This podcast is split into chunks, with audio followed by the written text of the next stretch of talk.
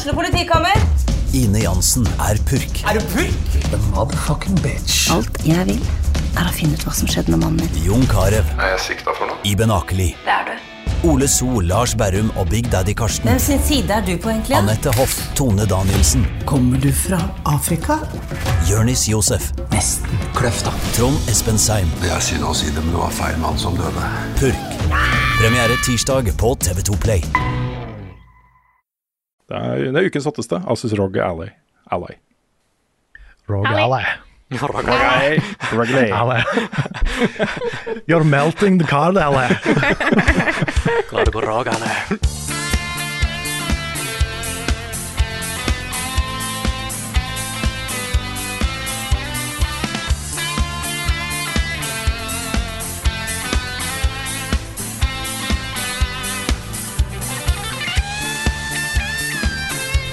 Velkommen til en ny episode av podkasten Level Backup. Nå som det har bikka inn i august. Skjønner ikke hva som skjedde. Det var jo nettopp april. Eh, dette her er meg, Frida Danmo. Med meg i dag har jeg en hel gjeng med flotte folk. Karl Martin Hogsnes, Runefjell Olsen og Niklas Halvorsen. Hallo, folkens. Hello. Hello, the gang back together. Yes. Ordentlig. Nå er sommerferien ferdig for oss, eh, for oss alle, holdt jeg på å si. I hvert fall oss som sitter her. Ikke nødvendigvis du som hører på. Nei, og det er jo alltid litt rart når på en måte en liten redaksjon blir liksom spredd for alle vinder eh, en hel måned.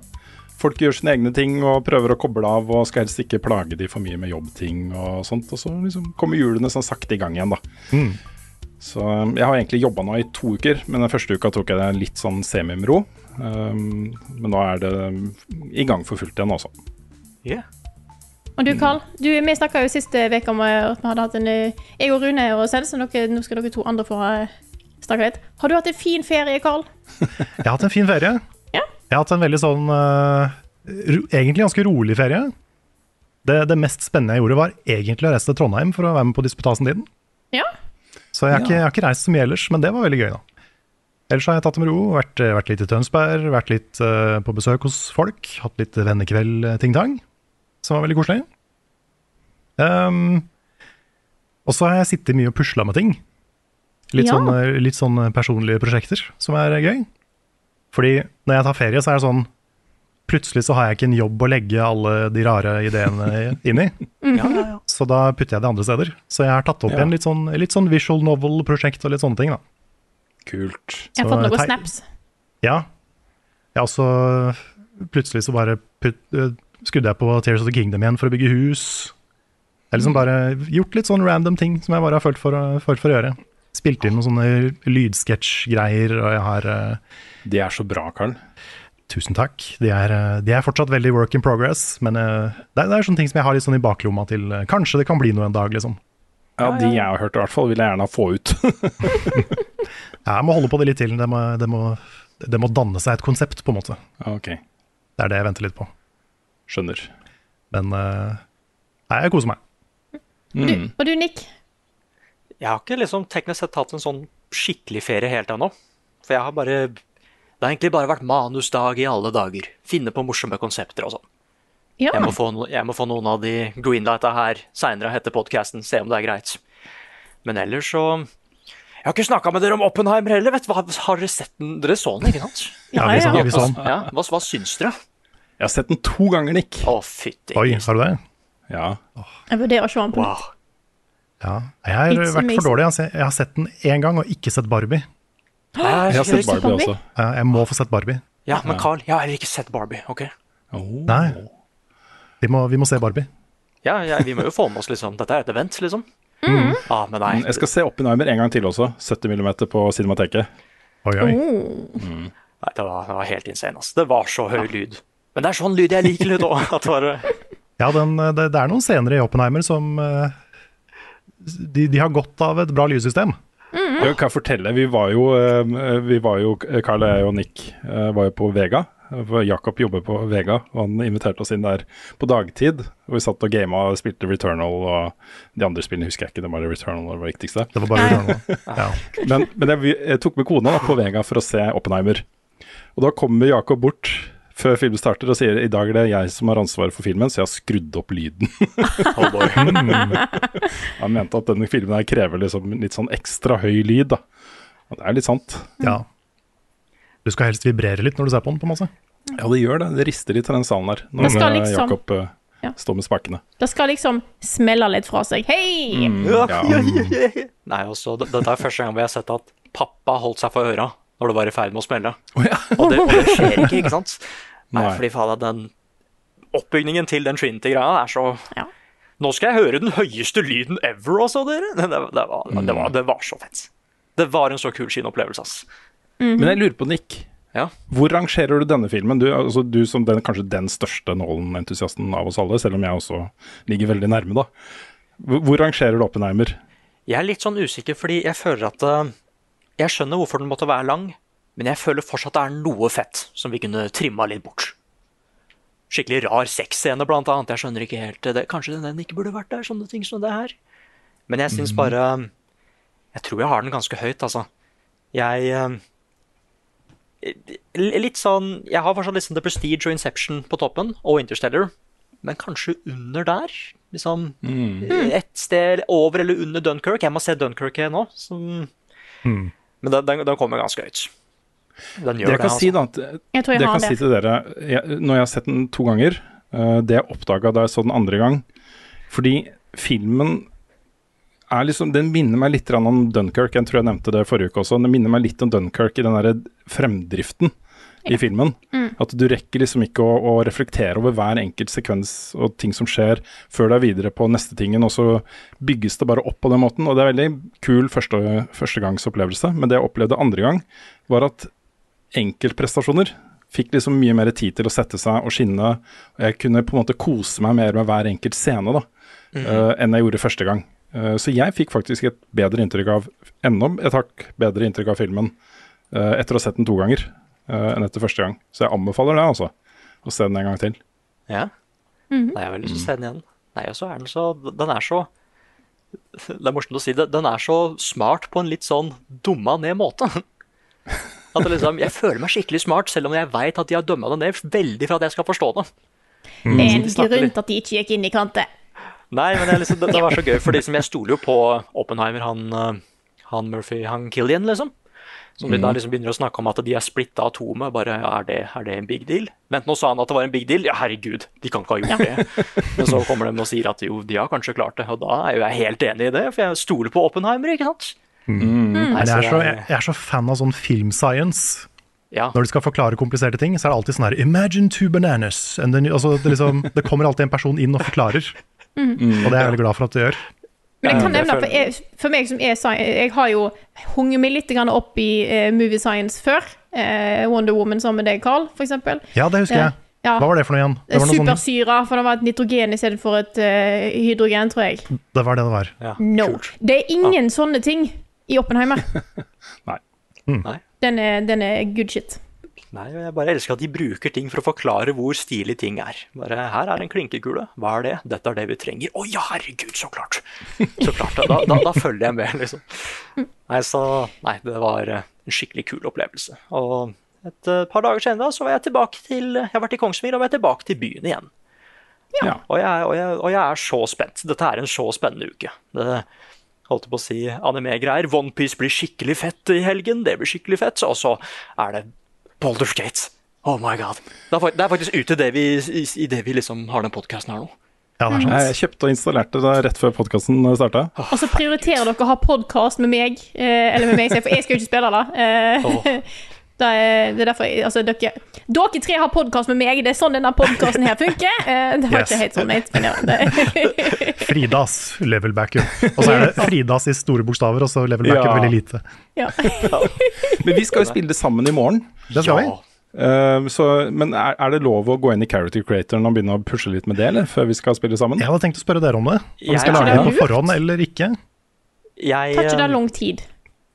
Ikke, den er ikke super den, altså, altså, altså, den er jo, jo, du kan bruke lang tid, men, eh, men den er sånn eh, Det er ikke det at det tar lang tid å lage selve karakteren. Det er hva karakteren skal være. Liksom bakgrunnen og skill points og klasse og sånn, som kan ta ganske lang tid. Eh, Men jeg, hvis det funker litt sånn som det gjør For jeg har ikke spilt det med noen heller. uh, hvis det funker litt sånn som det gjorde i Divinity-spillene, så er det litt lurt at vi Jeg tror vi liksom må lage klassene og launche spillet samtidig. Ok, Så vi bør kanskje liksom sette med, det i, sette med gang det i morgen, da, og ikke i dag. Ok. okay ja, men da, da venter jeg til i morgen. Ja, jeg kan gjøre litt research og bare sjekke. Men Mm. uh, jeg spilte da det kom i Early Access for sånn nesten tre år siden. Og jeg spilte i noen timer, men jeg fikk en sånn der at eh, jeg har jo ikke lyst til å spille, for jeg vil ha hele spillet når ting blir lansert. og, og det var et svært spill, det var 40 timer langt, liksom, bare den første akten som var der. Men det føles liksom at uh, istedenfor å lese mangaen, så venter jeg til det kommer en anime-adopsjon, ikke sant. Og nå er den endelig her, etter sånn tre år. Og jeg er så spent. Det, it's gonna be good, håper jeg. Det, jeg tror det. Ja, jeg, jeg har aldri rørt et boulderskate-spill, eller et spill som er så nære DND, liksom. Så jeg er dritspent. Jeg aner liksom ikke hva jeg skal forvente, men jeg, jeg gleder meg. Jeg hadde jo sannsynligvis ikke spilt det hvis ikke det hadde vært for Diablo 4. Ja. Før eh, denne introsekvensen sklir helt ut eh, Dette er en hel podkast. Det er en podkast. Eh, Så eh, skal vi ta opp en siste ting før vi går videre i den resten av podkasten. Som eh, dess, dessverre er litt viktig å ta opp for oss. Fordi vi, som dere sikkert dere som hører på sikkert vet, så bruker vi Patrion som vår eh, betalingsmåte for de som ønsker å støtte oss eh, i det vi eh, gjør, og det vi lager, for at vi skal kunne lage mer innhold. Og Patrion har hatt en del problem i det siste. Eh, Det har vært noe som har skjedd med betalingene, som gjør at en del har opplevd at betalingene ikke har gått gjennom. Dette skjedde vel for en måned eller to siden med de som hadde DNB, at mange opplevde at betalingene deres ble blokkert. Eh, og da er et, det er veldig synd, eh, spesielt siden vi er så avhengige av Patreon som vi er. Dette har nå skjedd igjen i en mye større grad. Eh, dette dekker nå òg de som betaler via PayPal. Carl, du har eh, litt mer oversikt over hva det er som har skjedd her, så jeg setter ordet over til deg. Ja, du oppsummerte det egentlig ganske bra. Men, eh, men det, er, eh, det er da PayPal og et par andre banker, tror jeg, som har hatt problemer nå. Vet ikke helt hvorfor, men det er et eller annet som at de har skifta hovedkontor fra California til Dublin, og det har visst fucka et eller annet. Så Derfor så har massevis av banker og PayPal da, fått transaksjoner flagga som mistenkelig. Og problemet med det er at Patron fungerer sånn at hvis du ikke uh, får uh, gjennomført en transaksjon, så prøver den på nytt etter kanskje to døgn. Og hvis ikke det går, så blir du bare hivd ut. Så det vil si at vi har bare mista nesten 200 backere over natta. Oh, oi. Og det er litt dramatisk. Vi er litt stressa for det. Ja, så ikke, ikke det, skal, det skal ikke være noe tvil om at vi er utrolig avhengig av den Patron-inntekten fortsatt. Mm. Uh, Det er en uh, uh, Vi vasser ikke penger ellers, liksom. Og, og det å på en måte lage videoinnhold om spill er tidkrevende. og det er litt sånn at skal vi gjøre dette, så må vi ha inntekter til å gjøre det. Vi kan ikke bare gjøre det som veldedighet, vi, da. Eh, Det er, sånn fungerer ikke, ikke verden, dessverre. Um, så, så det er utrolig viktig også at vi har den støtten i, bunn. Og nå er det jo ikke noen Det er ikke noe sånn eh, Vi har ikke på en måte krav om å eksistere, men eh, jeg vil bare at folk skal forstå at vi eksisterer pga. den støtten. Det er Mm. derfor vi har kunnet liksom eksistere etter at vi gikk ut Indie eh, fra VG. Eh, Så, så er det ene og alene, nesten, da, eh, pga. patronstøtten. Så, og det er fortsatt situasjonen da, eh, i dag, mm. som, som jobber sammen med Good Game. Og grunnen, til så- at, ja, og grunnen til at vi tar det opp nå, er rett og slett at 200 av dere som tror dere backer oss, plutselig ikke gjør det lenger. Ja, det er akkurat det. Så, Så, um, ja. jeg har sendt ut en Patron-melding til de det gjelder, men uh, Patron-meldinger når jo ikke nødvendigvis alle som ikke lenger er på Patron. Nei. Så um, derfor så sier vi det her. Vi kommer til å nevne det i litt andre sammenhenger.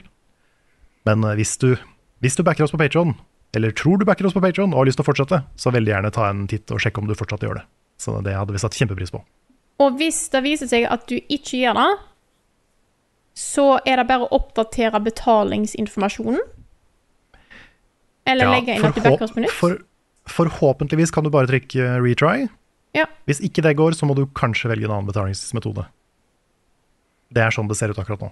Og forhåpentligvis så blir det her fiksa, men vi, det er så utafor vår kontroll at vi vet ikke. Ja, For nå er det et internasjonalt problem, og da er det en større sak. Og forhåpentligvis så tar Patreon tak i dette her ganske fort. Mm. Men uh, det er verdt for oss å gi beskjed uh, i en litt større, litt større arena enn vi har gjort så langt, fordi at problemet nå er så omfattende. Så jeg håper at dere har forståelse for hvorfor vi tok det opp i starten av podkasten denne gangen. Yeah. Vi har, vi har også fått et eh, spørsmål uh, knytta til dette, her, som vi tar eh, eh, i spørsmål og svarespalten seinere. Så vi kommer tilbake til saken mot slutten av podkasten også. Cliffhanger. Microsoft har kjøpt alle spillselskapene i Japan.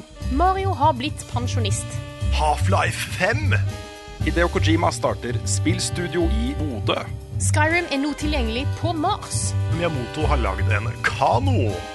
EU forbyr teabagging i spill.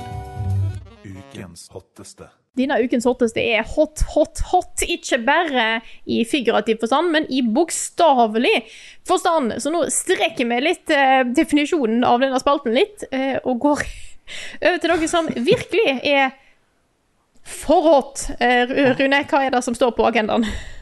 Ja, det er, også, Dette er jo egentlig spalten for liksom den største nyhetssaken denne uka. her. Det, dette er ikke den største nyhetssaken denne uka. her.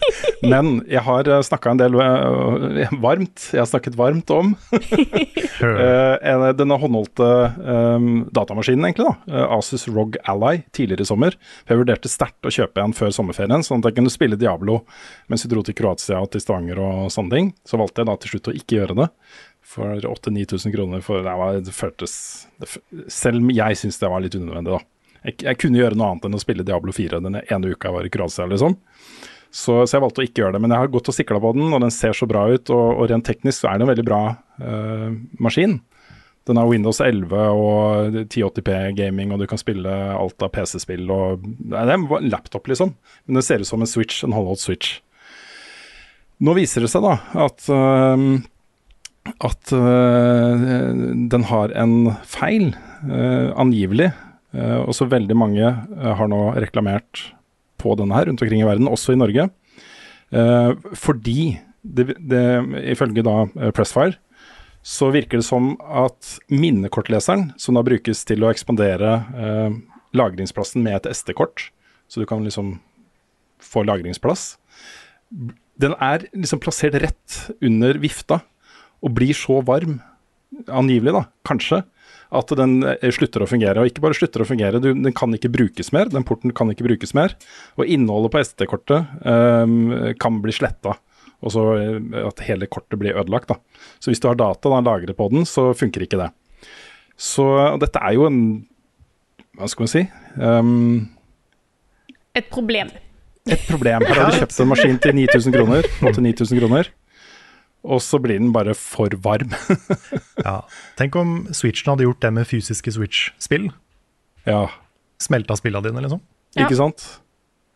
Ja, dette er ganske krise, altså. Eh, eh, jeg kjenner flere som har liksom gått og sikla på den her, eh, uavhengig av at jeg har snakka om det. Men det, dette er på en måte spekkmessig kanskje det nærmeste man kommer en, en, et Steamdekk, da. Som jo ikke er tilgjengelig for vanlig salg i Norge også. Eh, jeg tror speksa på den her faktisk er hakket over uh, Steamdekk til og med. Eh, det er en skikkelig bra, kraftig håndholdt spillmaskin. eh, hvor du kan da spille alt av PC-spill i 1080p. Um, så nå er jeg veldig glad for at jeg ikke kjøpte den. Men ja. Hvis du har en sånn, hvis du har gått og kjøpt en sånn, så bør du være klar over at dette kan Det er flere som har opplevd at, at dette er et problem, og at de da må sende tilbake. Og så vet jeg ikke hva dette vil bety da for den konsollens framtid. Men, uh, men jeg vet i hvert fall at håndholdte spillemaskiner, håndholdte PC-er, på den måten har blitt et ganske stort marked nå, altså. Mm. Det må jo være en garantisak, det her. At du får eh, forhåpentligvis da versjon to av den her kommer til å fikse problemet, og så får man den. Hvis man Det er jo en, altså, når det er en sånn produksjonsfeil, så får du ha dekka garanti. Mm. Ja, ja, uten tvil. Men uh, det er dritt, da. Tenk Ja, du er lager noe noe viktig der. Ja, da får du ikke tilbake den, dessverre. Nei. Nei.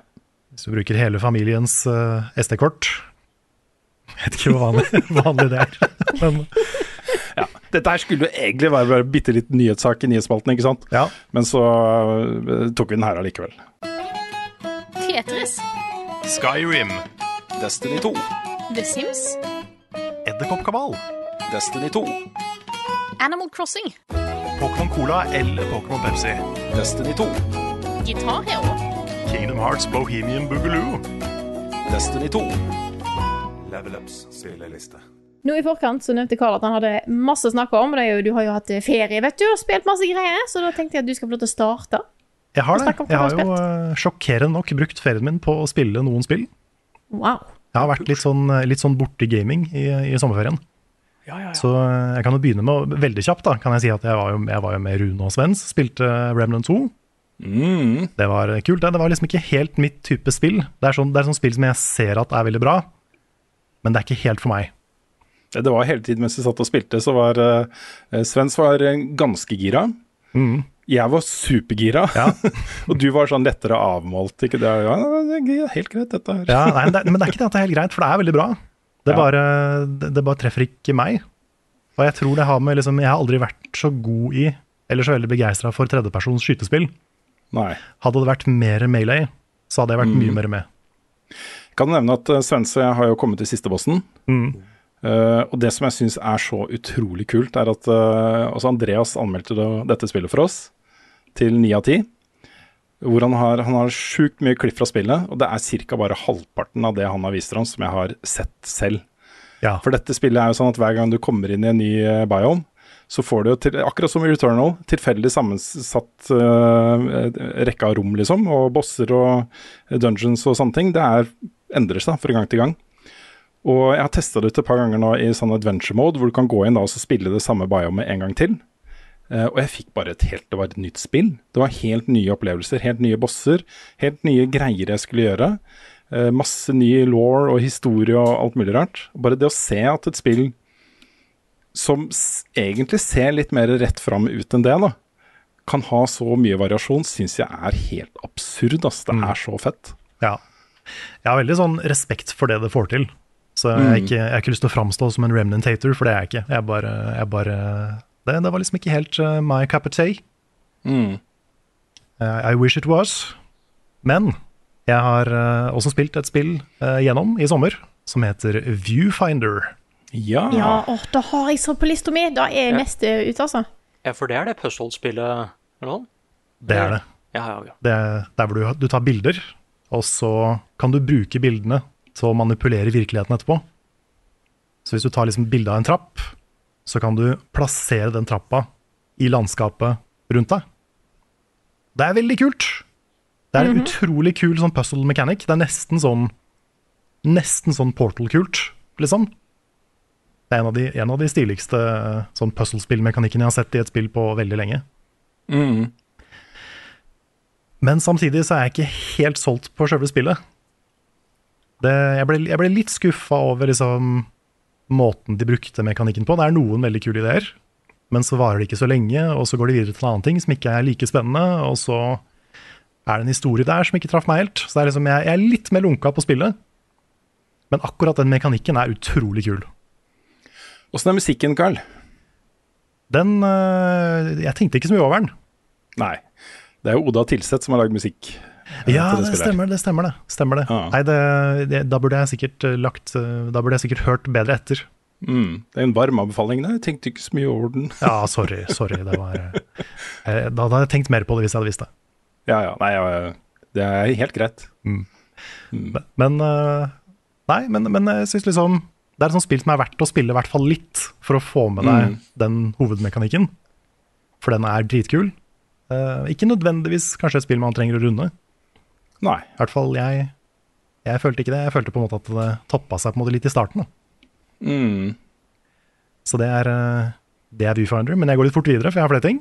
Mm. Jeg har også testa Disney Illusion Island.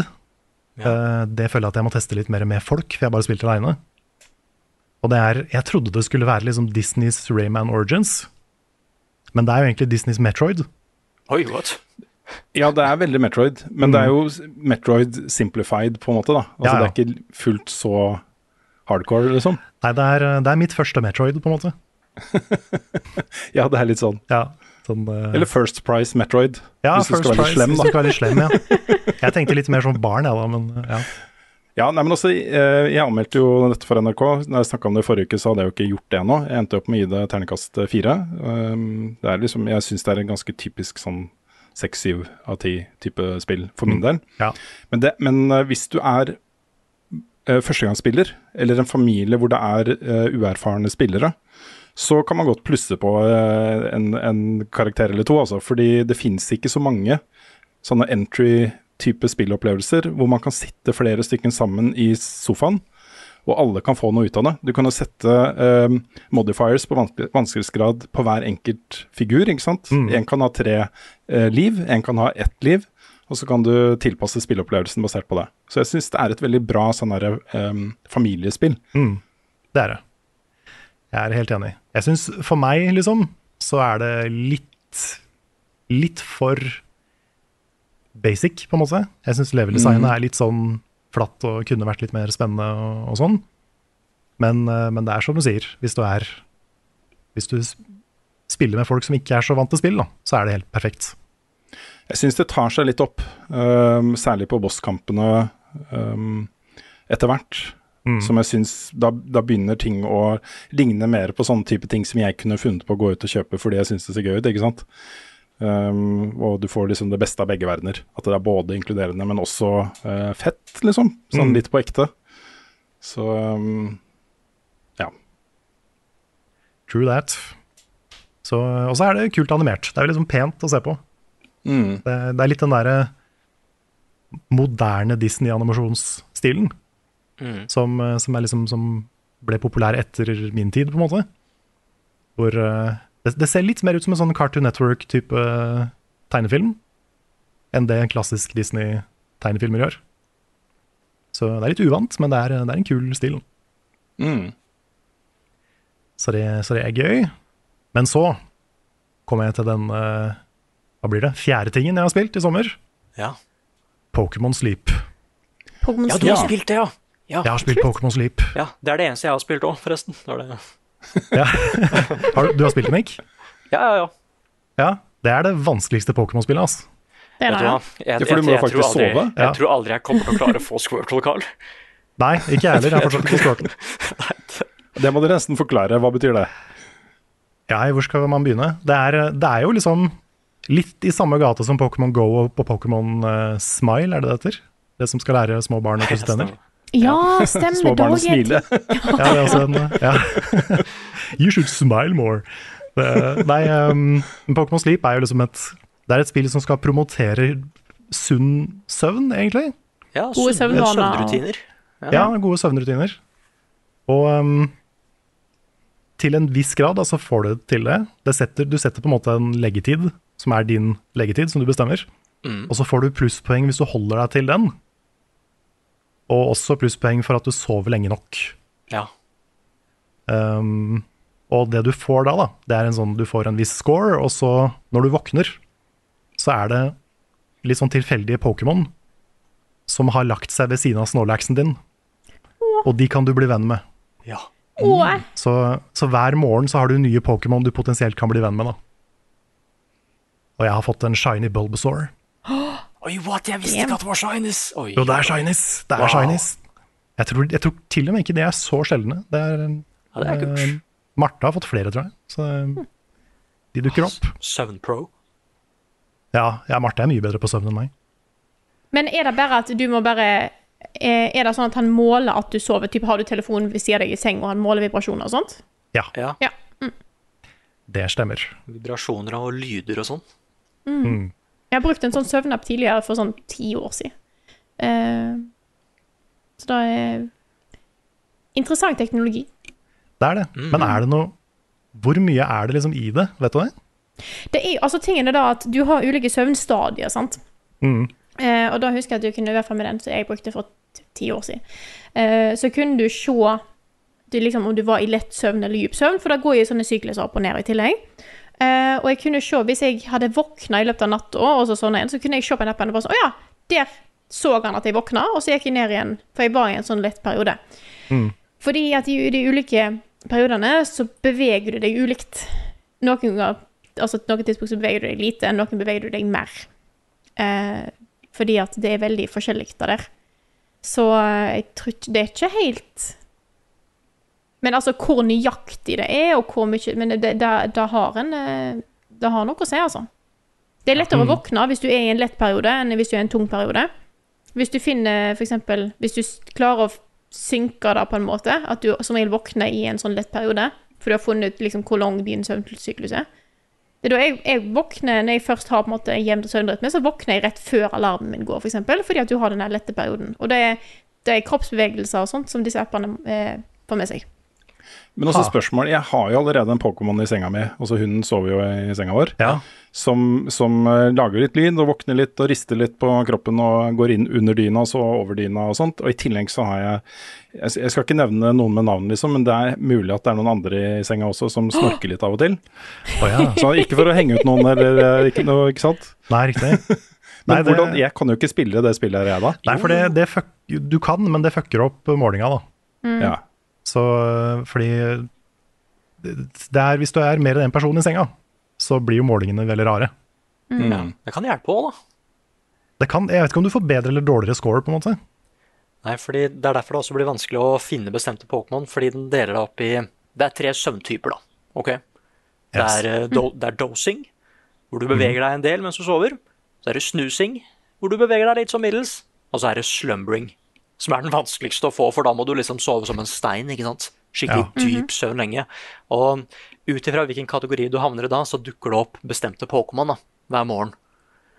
Uh, Så jeg har fått liksom Bulbasaur og Charmander. Jeg har havna i snusing av og til, men jeg beveger meg ganske mye når jeg sover. Det har jeg hørt fra andre òg, og det fikk jeg bevist nå i Pokémon Sleep. Jeg beveger meg ganske mye.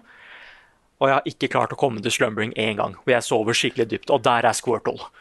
Ja, Ah. ja for det, det var det jeg hadde tenkt å spørre deg om, Nick. Hvor, hvor ofte du får slumbering. For jeg får aldri slumbering. Jeg har aldri fått altså jeg, jeg, det, liksom, det står sånn prosentversjoner av det ikke sant? hver gang når du sover. Hvor, hvor, når er det du klarte å havne i slumbering?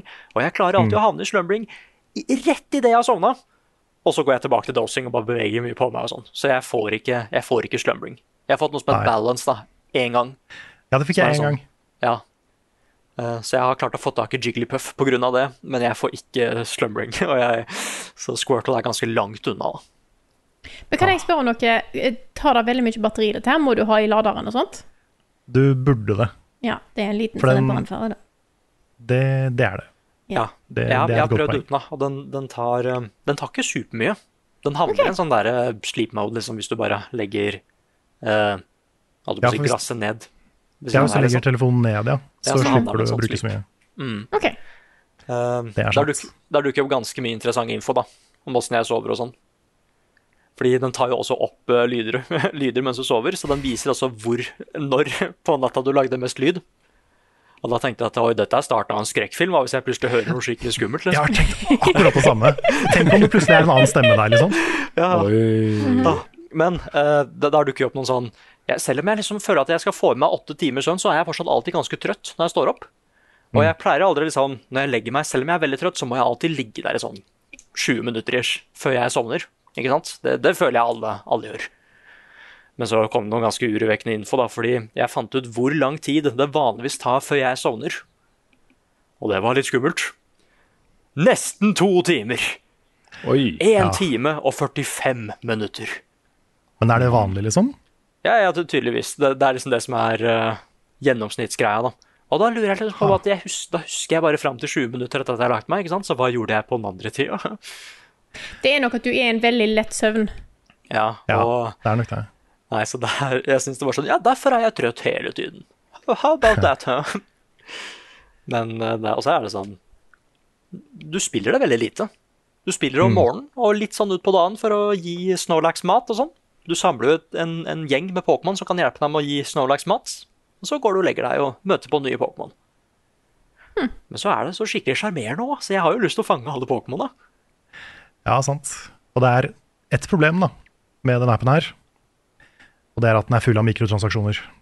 Um, Ja, men jeg, jeg, så- jeg syns det går fint uten. Ja, syns du det? For jeg, jeg syns det, er så- det går så treigt. Ja, men jeg holdt på å si Jeg føler jeg får gjort nok. Eh, Jeg får jo gjort det Det kommer til å stoppe etter hvert, da, men jeg får jo mange challenger, og jeg gjør bestemte ting for å få gems som jeg kan bytte om ti poeng, som jeg kan kjøpe andre ting med og sånn. Mm. Så jeg føler at jeg har ikke brukt noen penger ennå, og føler at det går ganske gradvis. Men åssen får du cookies hvis ikke du For Nei, jeg, jeg føler bare- at jeg alltid går tom for de. Og det er Ja, de du bruker for å fange de. Ja, ja, enten så bare gjør, får jeg challenger med å møte på diverse typer Pokémon og registrere dem og sånn, eller så bare bruker jeg et par poeng for å kjøpe et par cookies. Hmm. De koster ikke så mye. Nei, kanskje litt du har noen pros. Sånn. Ja. Kanskje jeg bare var litt dum i starten og brukte for mye sånne sleep points på ting jeg ikke burde gjort. ja, for det Fordi ikke jeg, ikke føler, jeg føler aldri at jeg har nok av noe currency i spillet. Ah, sånn, ja.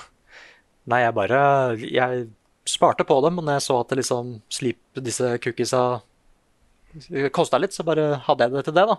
Så jeg pleier liksom å få én nesten hver dag når jeg står opp, fordi jeg gjør challenger, og så kjøper jeg en ekstra hvis jeg trenger akkurat en til for å få en venn, da. En ekstra Pokémon-venn, eller noe sånt. Hmm. Altså, jeg, Tror du må you, you gotta teach me your ways. jeg lager en guide. Nå sendte jeg dere et morsomt bilde på Messenger bare for å se hvor koselig det er. Jeg fant jo denne Pokémonen her, ikke sant, som da samler bær for meg. Ja, ikke sant. Og se så rund og god Ja. denne, denne Da, spil, vi vet jo, spil, vi vet jo alle at de runde Pokémonene er de beste. Det er det. Ja. Det er helt Frida, sånn. Frida nevnte det, og vet du hva, jeg begynner å se det litt. Det er, Ja. det er noe skikkelig sjarmerende ved det. Jeg ser så Har vi- og god han er. Ja. Har vi hatt Svil ennå i rankinga vår? Ja, det er i generasjon tre. Ja. Han er i generasjon 3. Han, er, han, er S. baby. Ja, han, ble, han må ha blitt en S. Ja, ja. Ja, han, han ble Ja. S. Og se så, se så glad han er for å samle bær for meg. Ja. Han er maskotten min, da, så han ligger ved siden av meg når jeg sover. Så jeg har en svær pil i senga når jeg sover. Åh, det er Nei, nei, så det er faktisk fått en sånn der Vet du hva, nå skal jeg samle alle Pokémon. Gå, gå, skikkelig, gå skikkelig inn for dette her. Og jeg sover faktisk litt bedre òg. Jeg har faktisk en ordentlig rutine nå. Ja, fordi det er det som på en måte Det er grunnen til at jeg fortsatt spiller det. da. For Jeg, synes det er, jeg blir litt irritert på de mikrotransaksjonene, og så syns jeg spillet er litt sånn Jeg skulle ønske det hadde litt mer ved seg, kanskje. Ja. Men det er faktisk, på ordentlig, en liten motivasjon for å gå og legge seg og stå opp, og det er to ting jeg er skikkelig dårlig på. Ja. Så sånn sett så er det på en måte verdt det, da. Jeg, eh, for deg som er, Nå har vi snakka mye om det bildet. Jeg til, å- hvis det er greit for deg, Nick, så legger jeg ut bilde i discorden vår Ja, ja. eh, under eh, Level Backup eh, Spoilers eh, Discord-chatten. Eh, så dere kan òg se den supersøte svilen. Hallo. Ja, ja, ja. Den er veldig søt. Jeg fikk Ivi i dag også. ja Ivi, Veldig. Ivi fikk jeg i stad òg. Ivy er fin. Ivi er skikkelig fin. Men jeg tar, jeg har ja, ja, jeg har et siste spill kjør på. eh, som jeg sparte til slutt, for det er det beste spillet jeg har spilt i sommer. Oi, oi, oi. Og det, det har dere snakka om før, så vi trenger ikke å snakke så mye om det. Men det er Dave the Diver. Ja, Det er så bra. Kult. ja det Ja, det jeg jeg oppdaga jo eh, for sent da, at du hadde jo også lagt ut gameplay fra Dave the Diver, og sikkert snakka om det i den solopodkasten. Jeg har ikke rukket å høre på den ennå, Nick. Nei, jeg holdt på å si Så det kom da to podkastepisoder på YouTube-kanalen vår etter hverandre med Dave the Diver. Starten av Dave the Diver. Ja, ja, det er godt, eh, godt dekka. Shit, det, det, det tenkte jeg ikke på. Uh, nei, jeg hadde, ikke, jeg hadde ikke spilt det da jeg filma podkasten, men jeg bare Eller tok opp podkasten, mener jeg. Mens jeg husker at vi bare snakka om det mens vi var på Vega. Og bare, ja, kanskje jeg bare skal bruke ja, opptak, opptak av det. Ja, kult, kult. Men ja, det, det, det spillet er kjempefint. Det er det. Det er, liksom, det er vanskelig å lage et undervannsspill så gøy. Fordi Mm. undervannslevels er liksom ofte det kjipeste. Men uh, Også, this is good. Altså har det spillet den har noen sånne gulrøtter som dukker opp innimellom. Altså de animasjonene når han kokken eh, skal lage ny matrett og sånne ting. Ja, Jeg sitter og gleder meg til hver gang det, den type klipp kommer. da. Ja. Det er så mye gøy å se på der. altså. de, de cutscenesa i det spillet er noe av det Det er noe av den morsomste animasjonen jeg har sett i et spill på lenge. Helt enig. ass. Det er kjempegøy. Det er kjempebra. Og så I starten ble jeg litt sånn overvelda, fordi det er så veldig mange mechanics du får på sånn løpende bånd. Mm. Sånn, ok, nå får du den appen, og så får du den appen, og så må du gjøre det, og så må du gjøre det. og Så, så. Men etter hvert, når du kommer liksom inn i rytmen, så blir det dritgøy. Mm. Så nå er jeg godt ute i kapittel to og driver og øh, bygger en oversetter til uh, The Sea People. Ja. The Seaman. så det, The Seaman, så det, det, er, det er gøy. Jeg koser meg masse. Jeg måtte rive meg vekk fra det for å være med i podkasten i, i dag, så det er mulig det blir mer etterpå. ja, det er kult. Jeg er også veldig glad i spill. Jeg har ikke runda det, men jeg har, eh, jeg har spilt sju-åtte timer eller noe sånt. Jeg tror det er rundt der jeg også er nå. Kanskje Ja, litt mer. fall- Ja, for jeg har bygd den oversetteren og snakket med The Seaman og Ja, ok. Ja, da er du litt gjort en del mer etter det. altså. Kanskje jeg har spilt mer. Kanskje jeg bare husker feil. Hva er det Steam sier, da? Vi se hva Vi har, jo, vi har jo data på det her, Ja. Ja. Skal vi se. Nei, jeg tok feil. Seks timer har jeg spilt. Ja. Jeg har spilt Ja, 6,7 står det her. Ja. Kanskje vi, kanskje vi har en sånn tendens til å inflate our numbers når vi, når vi, når vi spiller ting. Nei, jeg har, i hvert fall, jeg har i hvert fall gjort mer enn deg. Ja, det har du. Det er nok. Jeg er gjennom, gjennom den biten. Mm. Mm. Ja, men det er eh, veldig kos. Veldig, veldig kos. Så kan anbefales. Det er jo litt sånn Det er et ekte bra spill. Ja, det er det. Det er, det er liksom bare et sånt genuint bra satt sammen spill. Mm. Og tror jeg setter det før eh, det blir eh, viewfinder, altså. Ut ifra det har man snakket om i dag. Det er, eh, jeg i hvert fall syns det er bedre, men eh, det, det fins fans av Viewfinder også, så jeg mener ikke å implisere at det Jeg ikke har er lyst, jeg har lyst til å teste det for å få med meg den mekanikken, for han ser jo helt insane ut. Mm, den, er, den er kjempekul, og den er liksom en av de beste spillmekanikkene i år, på en måte. Mm. Så den er, den er awesome i seg sjøl. Har jo ikke en kategori for det da, på Level Up Awards. Det vet jeg ikke, men vi burde ha det. Ja, Vi kanskje. lager alltid Beste nye kategorier. Så da er, bør være lov. Skal notere det. Yes. Men da bare- er jeg ferdig. Ja, eh, før jeg gir ordet videre til eh, de andre, så vil jeg bare fort nevne at jeg har eh, Jeg har fortsatt med Pikmin.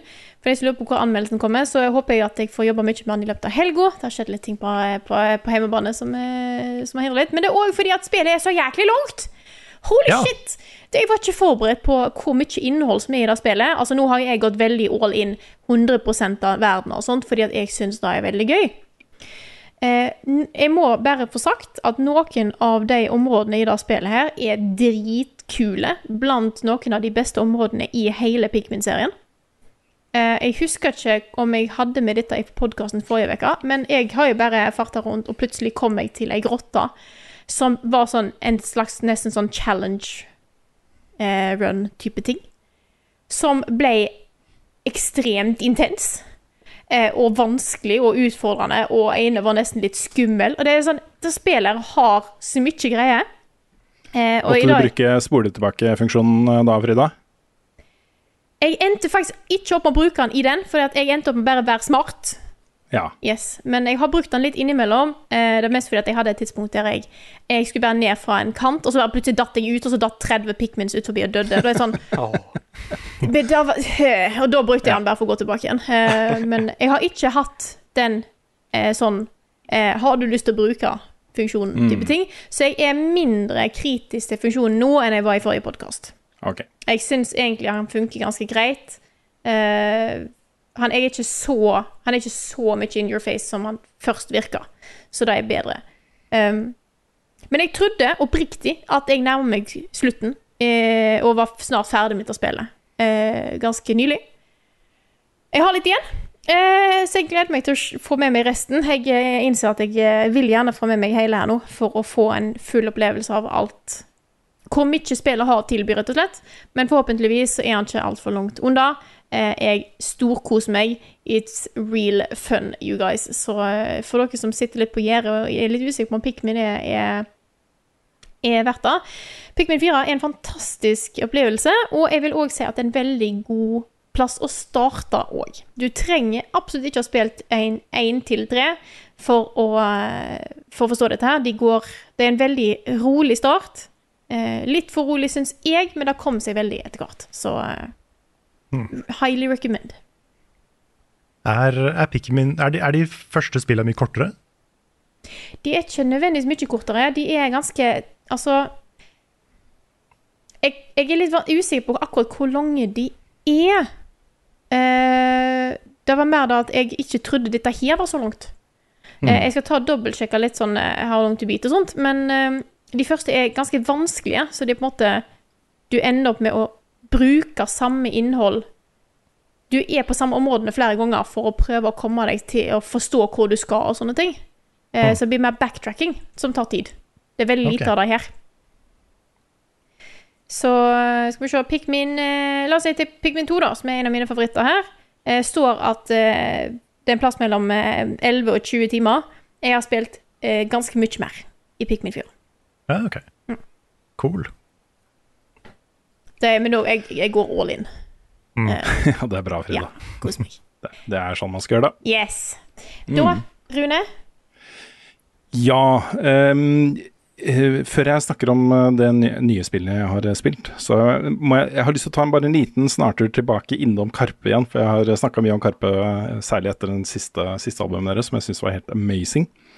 Eh, det er en linje i eh, den ene låta der, eh, fordi Karpe har jo blitt ehm, Egentlig av liksom samfunnet generelt, av media og av uh, folk, liksom, trukket fram som liksom litt fanebærere for, uh, for um, uh, andre kulturer i Norge. Og så det å på en måte gi um, innvandrere et ansikt og på en måte eh, integrere det i samfunnet på en, en spennende måte, da, en god måte. Uh, og ta litt oppgjør med rasisme og hverdagsrasisme og sånne ting. Har de vært veldig flinke til, alltid, gjennom hele sin karriere. Og det er en tekstlinje i, uh, på det nye, nyeste albumet hvor, hvor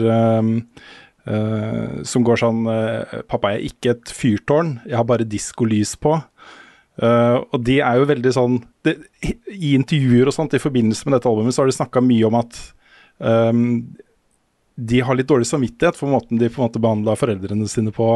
At ikke de tok liksom uh, opphavet til foreldrene på nok alvor. At de kanskje var litt for opptatt av seg selv og uh, sin egen identitet. Og når, etter hvert som de har blitt eldre, så har de på en måte tatt litt oppgjør med det. da. Eh, og eh, fått en ny respekt for det å flytte, og så rive seg løs fra røttene, flytte til et helt annet land for å gi barna sine en bedre framtid. Og det er på en måte utgangspunktet for veldig mange av innvandrerne, var jo det. At eh, nå flytter vi til land hvor barna våre kan få liksom bedre utdannelse, bedre muligheter, mer frihet. Alle disse tingene som, som de ikke ville fått da, hvis de hadde blitt. Um, og de, dette tenkte jeg på hele tiden mens jeg satt og spilte et nytt spill som har kommet nå, som heter Venba. Uh, og det er laget da av en andregenerasjons uh, uh, indisk innvandrer i Canada, som da foreldrene flytta til Toronto på 70-tallet. Um, og hele spillet er ganske kort, det er sånn type 90 minutter langt. Men hele konflikten og hele temaet i spillet er jo uh, det at foreldrene savner uh, India, og savner liksom uh, sin egen kultur og um, tenker hele tiden på kanskje vi burde flytte tilbake. Mens da sønnen deres Uh, setter opp en liten sånn vegg. Da han vil heller liksom passe inn med vennene sine. Han vil heller uh, være kanadisk. Han vil være som de andre. Han heter jo Kavin, men vil kalle seg Kevin. Og så Det er mange sånne temaer som går gjennom hele dette spillet her. Eh, og det, det litt, nesten litt sånn spoiler siden spillet er så kort. Men det er på en måte litt det derre Han blir jo Det blir jo noe av han, liksom. Han, det at han vokser opp i Canada, gir ham flere muligheter uh, og ender opp på et sted. Og jeg er helt sikker på at det er overførbart til da den personen som har faktisk laget dette spillet, at dette er selv, mye selvopplevd. da. Dette er litt sånn selvbiografisk. Uh, og det, det var en utrolig flott sånn derre Jeg setter så pris på å få perspektiver på ting som ikke har noen forutsetning for å uh, vite noe om, hvis du skjønner hva jeg mener. At det er en anledning til å eh, ha empati, eh, til å ha, få innsikt i um, andre situasjoner. Og jeg tror at hvis flere mennesker i samfunnet vårt eh, brukte tid på det, på å lytte til Karpe-tekstene, til å spille dette spillet her, til å se på filmer, lese bøker som utforsker det temaet, så tror jeg vi hadde hatt mindre rasisme og mindre sånne konflikter. Mer integrering, eh, større respekt for andre kulturer, alle disse tingene. Og alt dette sitter jeg og tenker på mens jeg spiller dette spillet her, altså. Det er et kjempebra uh, spill, et veldig kort spill, uh, hvor, uh, hvor det er veldig sentrert rundt matlaging. Så da moren til Kavin er veldig opptatt av å liksom lage disse tamilske rettene som hun savner. ikke sant? Og hun har en sånn kokebok som hun har fått av moren sin, hvor veldig mye av informasjonen er borte, så hun må liksom prøve å huske tilbake til hvordan moren hennes lagde det. Og du da som spiller skal hjelpe henne ikke sant? med å finne ingrediensene og ta det i riktig rekkefølge og, og disse tingene her. Det er En utrolig flott opplevelse, altså. Jeg var veldig sulten da jeg spilte det, og så etter at jeg spilte Dave the Diver, så gikk jeg rett ut og bestilte sushi. Der fikk jeg veldig, veldig lyst til å spise indisk eh, mat, da.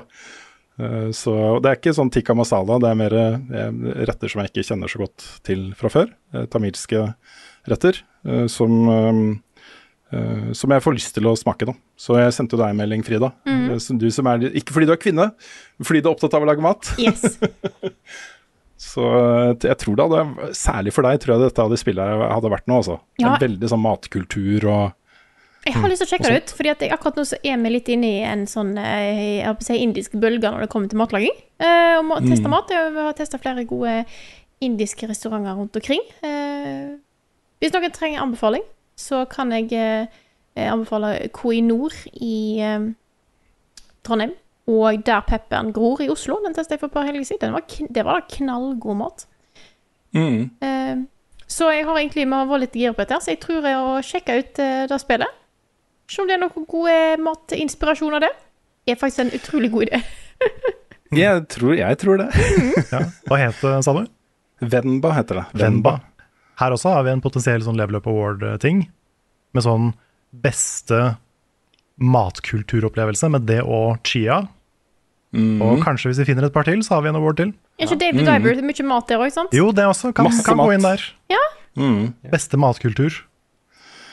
Ja, jeg, jeg, mener, jeg mener at dette er jo så Det har vi, har vi snakka om før, jeg vet ikke om vi snakka om det offentlig, men det å lage et eget matprogram hvor vi lager mat fra spill, altså som en serie, som et konsept, det tror jeg hadde vært uh, Ta rett med til banken og bare printe penger. Jeg liker å printe penger. Ja, ja, altså, ja, Det er fint, det. Ja. Hvorfor kan vi ikke printe litt penger? Ja, det har vært eh, veldig ålreit. Ikke lov å printe penger. fryktelig gøy. Ja, ja, Nei, det er ikke lov å printe ikke, penger. Det er ikke, ikke ikke gjør det. Ikke bokstavelig talt gjør det. Ikke. Hvis ikke du jobber i Norske Bank, ikke print penger. Mm. Nei. Nei, men det er Venba også. Det er, det er kjempebra spill. Uh, kan gjennomføres på en kveld. Uh, og um, ja, rørende. Uh, flott. eh, flott opplevelse, altså. Så anbefales. Og Nick, hadde du, du hadde lyst til å gå til slutt i dag? Ja, for jeg trodde jeg var den eneste som hadde spilt Pokémon Sleep, men, men nå har jeg snakka om Pokémon Sleep. OK. Ah, men I, I stole your thunder. Hvis du vil si noe mer om Pokémon Sleep, Nick, så har du muligheten nå. Nei, nei, jeg hadde egentlig tenkt å ha en sånn derre Dere spilte mens jeg sov. He-he-he. Det er det. Det er det greit. Da Nei, men det var skikkelig gøy at du hadde spilt det, for da kunne jeg Vi kunne dele den der greia med hvor dritvanskelig det spillet er. Ja, men det er det. Ja, det er det. Slumbering er liksom very hard mode. Ja, og jeg trodde jeg var OK til å sove, liksom, så var jeg ikke det allikevel. Nei. Jeg fikk bare bekrefta at jeg var dårlig. Jeg fikk F forrige uke. Ja, Som jeg oppsummering. Ja. Det blir ikke så mye verre enn det, altså. Jeg prøvde å lage en eller annen connection mellom liksom, vanskelighetsgraden her i, i Pokémon Sleep og Souls. Og det nærmeste jeg kom, var eh, Slumbering Smithing Stone. Mm. Ikke Det hadde jeg aldri fått. Smith- Somber, Smith- ja, Slumber Smithing Stone. Ja. Mm. Mm. De våpnene måtte jeg bare gitt opp. Ja. Her kommer nyheter med Rune Fjell-Olsen, og han har ikke hår. Nå begynner ryktene om den neste konsollen til Nintendo også svirre. Vi snakka litt om rykter om eh, en ny versjon av PlayStation 5 i, i høst. I forrige uke, gjorde vi det? Eller var det bare noe jeg hadde tenkt å gjøre? Har jeg drømt det, Frida? Husker jeg feil? Uh, jeg er litt usikker på hva vi endte opp med å gjøre. Ja, jeg kan ta det også, da. Det har jo gått rykter nå om at uh, Sony vil lansere en PS5 Pro eller tilsvarende nå i løpet av høsten. Ja, det snakka dere om. Vi gjorde det. Ja, Supert. nettopp. Ja, vi gjorde det. Greit. Nå er da ryktet at Nintendo planlegger å lansere sin neste kontroll. Kontroll? Kontroll! Konsoll. Uh, andre halvår 2024. Eh, og Grunnen til at dette ryktet begynner å svirre, er at eh, det visstnok skal ha blitt sendt ut eh, debug-versjoner av den konsollen til utviklere. Og det er nettstedet VGC som melder dette, via da anonyme kilder. Det er ikke så mye som er kjent om den, annet enn at den da angivelig skal være håndholdt på et eller annet vis. Men om den har noen nye gimmicker eller noe sånt, det vites ikke. Så det er jo mange som har spurt skal de ikke lage en oppdatert versjon av Switch eller en ny konsoll, eller begynne å tette dette gapet, teknologigapet mellom Switch og uh, PlayStation og Xbox. Så, så um, ikke, ikke uventa kanskje at Ja. de er først ut med en ny generasjon. Ja, for neste, ut, altså, neste år så er jo Switchen sju år gammel. Og da er ganske mm, lenge, egentlig. Det har jo vært en vanlig syklus, sånn seks-syv år mellom, uh, mellom konsoller, hvis ikke jeg husker helt feil. Men jeg Jo mener å huske at det er det som er liksom gangen. Jeg føler, det eneste, år, altså.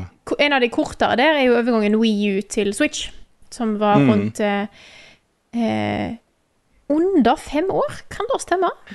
Det tror jeg stemmer. For det var, Godt stemme det. det var en sånn course, Så, course eh, correction. mm, så eh, da bare komme med en, på en måte en litt grann oppdatert versjon er kanskje ikke nok etter 20 år, så jeg vil, jeg, jeg vil jo tippe at det er ganske at det er litt signifikant her. Hvis jeg kan, eh, hvis jeg kan ta, ta, på en måte, eh, ta litt sånn Sette på meg hype-hatten. Jeg har den her i hylla.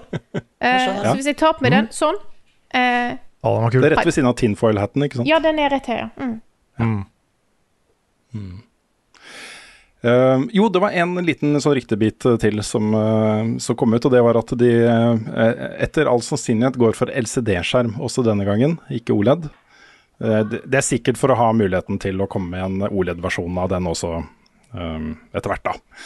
Sikkert. Vil jeg tro. Jeg håper det bare er en lengre Switch. Det hadde vært morsomt. Breiere, liksom? Eller? Ja, ja, den var dobbelt så lang. Ja. Widescreen. Større, større, ja, større skjerm, og så liksom mer plass til å putte ting i. ja. Unge vet du, sitter der med disse korte armene sine og klarer knapt å holde i den. Ja, nå Han jeg tenk om- Nei, men tenk om, det er en, tenk om det er en Switch DS, at du, liksom, du kan klappe den sammen, og så er det to like svære skjermer. Ja. Ja, men det er, faktisk, det er faktisk ikke umulig. Fordi telefonene har begynt å komme på markedet nå. Sånne flipptelefoner med sånn bøybar eh, Ja, skjerm. det er sant. Mm. Men bare tenk at den er så svær som en Switch, og i tillegg dobbel. Ja. Da, dokken er bare høyere. Jeg har tatt kjøpe en ny TV-benk. Ja, ja. Følge med en egen tralle til å ta den med deg når du skal ut og reise. Den blir nok mindre enn det. ja det spørs det. Det har vært et eh, intervju med uh, lead producer Fabian Salomon eh, i Ubisoft om Assassin's Creed Mirage på en fransk YouTube-kanal som har blitt oversatt, hvor han da har estimert at det vil ta 20 timer å rushe gjennom eh, Mirage. Eh, 25-30 for de som skal gjøre absolutt alt. Eh, De kjører jo playtester nå, og han sa at det er, det er der de ligger, da, de som spiller gjennom spillet for første gang. eh, 20-30 timer. Så er det litt avhengig av hvor mye de gjør. Det er jo et signal da, om eh, hva slags type spill dette her er. Eh, De skal fjerne mye av den derre daufettet som har kommet på den serien etter hvert. Det er noen, noen, inkludert meg selv, i hvert fall i noen av disse spillene, setter jo litt pris på det, det, det fettet. Det er uh, Noe av det er fett. Eh, Så, men, jeg, men jeg begynner å bli ganske gira på dette spillet her. Eh, For jeg husker jo altså det, Dette er jo meningen på måten de kommuniserer eh, rundt dette spillet her på. Det, det Meningen er å gi folk den derre Å, jeg husker hvor spennende det var å sette seg ned med et nytt Assassin's Creed-spill da de første kom. Også Assassin's Creed 1 og 2 og Brotherhood og de spillene der. Eh, Det er, det er på en måte den følelsen de ønsker å fremprovosere her, da. Ved, ved å gå tilbake til røttene på den måten. Så det vil jo også da være eh, sånne objectives med de måla du skal ta ut, som også vil ligne på det du opplevde i de første to spillene. Hvor du har et mål, ikke sant, og så har du en riktig måte å gjøre det på, men du kan gjøre det brute forced også. Men hvis du får det til på riktig måte, så føler du deg bare mye kulere. Så det er liksom det, litt det jeg vil ha ut av det spillet her, da. Nei, jeg håper, jeg håper det er mer main story enn side content. Mm. For det, det var liksom fram til og med Assassin's Creed 2, så var det sånn. Mm. Men så kom etter Brotherhood, så har det vært veldig mye sånn Alt er åpent, masse content overalt. Så jeg håper liksom dette er Assassin's Creed 2-stilen. Mm. Det, eh, eller det ble sagt i det intervjuet at eh, nåtidsdelen av Assassin's Creed-mytologien, eller hva man skal kalle det, vil bare være helt i starten av spillet, og ikke være en integrert del av spilleopplevelsen ellers. Så jeg er spent. Vi har også fått vite at uh, Final Fantasy 14 uh, endelig kommer til Xbox. Det Det skjer det. våren 2024. Nice. Så da blir Xbox innlemma i familien, Carl. Er du happy? Det er fint, det. Mm. Dette er jo et giga-MMO, så hvis man har Xbox og vil uh, spille litt, uh, litt Final Fantasy 14, så har man eh, 600 timer foran seg, Ja da. eller noe sånt. Det er mye, mye content. Mm. Og så har de også snakka litt om eh, neste expansion, Karen. Karl. Det har de også. Den heter, skal jeg bare dobbeltsjekke, Dawn Trail. Og dette er, jeg er litt ekstra spent på den her, fordi det er jo første expansion etter det som på en måte var slutten. Ok. Dette er post endgame, på en måte. Mm. Og måten den blir uh, hypa opp, den expansionen her, er at det skal være tidenes sommerferie. Det høres jo veldig forlokkende ut. Det gjør det. Det er liksom, Nå har de gått fra, fra world ending stakes til universe ending stakes til sommerferie. Sommerferie. Så det er, eh, det er, jeg tror det er veldig riktig at det liksom, de senker på en måte skalaen litt. Mm. Og nå er vi tilbake til litt sånne mer, mer persondrevne historier, kanskje? Men De skal vel bygge opp en ny ark her, tenker jeg da. Ja. Da er det jo greit å starte med veldig lave skuldre, ikke sant? og så Mm. introdusere mer og mer kompliserte greier etter hvert. Ja. Dette er liksom Dette, dette er Marvel Phase 4, føler jeg. At nå, Mm. nå begynner de på nytt, og så bygger de opp et eller annet annet nytt. Mm. Så det kommer nok en ny eh, stor eh, kataklysmisk uh, ting-tang, men det er nok, er nok lenge til, da. Hva, er det noe dato på dette her? Det er sommeren 2024, Ja. Nettopp. så det er et stykke unna fortsatt. Ja. Det er eh, mye kortere tid til eh, den neste store norske utgivelsen. Som da sannsynligvis blir uh, Rain Games sitt nye spill, Girl Genius Adventures in Castle Heterodyne. Som kommer til PC, Mac og Linux den 5. september. Dette er basert på en graphic novel-serie som jeg ikke kjenner i det hele tatt. Er det noen andre som har noe kjennskap til den? Nei. Nei. Dette er et problem for Rain Games, føler jeg, da, fordi um, de har fått en lisens her som sannsynligvis er ganske stor. Altså, jeg, jeg tror dette universet her har et publikum, uh, men det er på en måte litt ukjent for mange også. Altså, hvis ikke du er inne i det universet, så kjenner du ikke til det i det hele tatt, på en måte. Så sånn sett så er det ganske spennende, men også en litt vanskelig lisens å selge, tror jeg. Jeg vet ikke. Men eh, jeg tenker òg at de aller fleste spill som er, er jo ikke lagd på en lisens. Mm. Og du klarer det, de, på en måte Det kan jo være at på en måte, de som liker serien, gir et ekstra på en måte boost.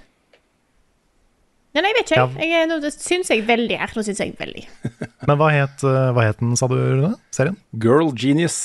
Girl Genius. Skal jeg bare kjapt sjekke. De sier jo at det er inspirert av Selda i eh, designet her, eh, blant annet. Eh, og jeg, det jeg har sett av det, ser eh, ganske bra ut, så, um, så jeg er spent på dette her, altså.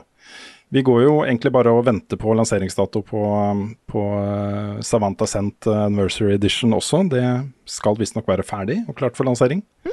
Uh, Iconay Island kommer i høst. Ja. Uh, Muligens også uh, Dustborn før, uh, før årsslutt.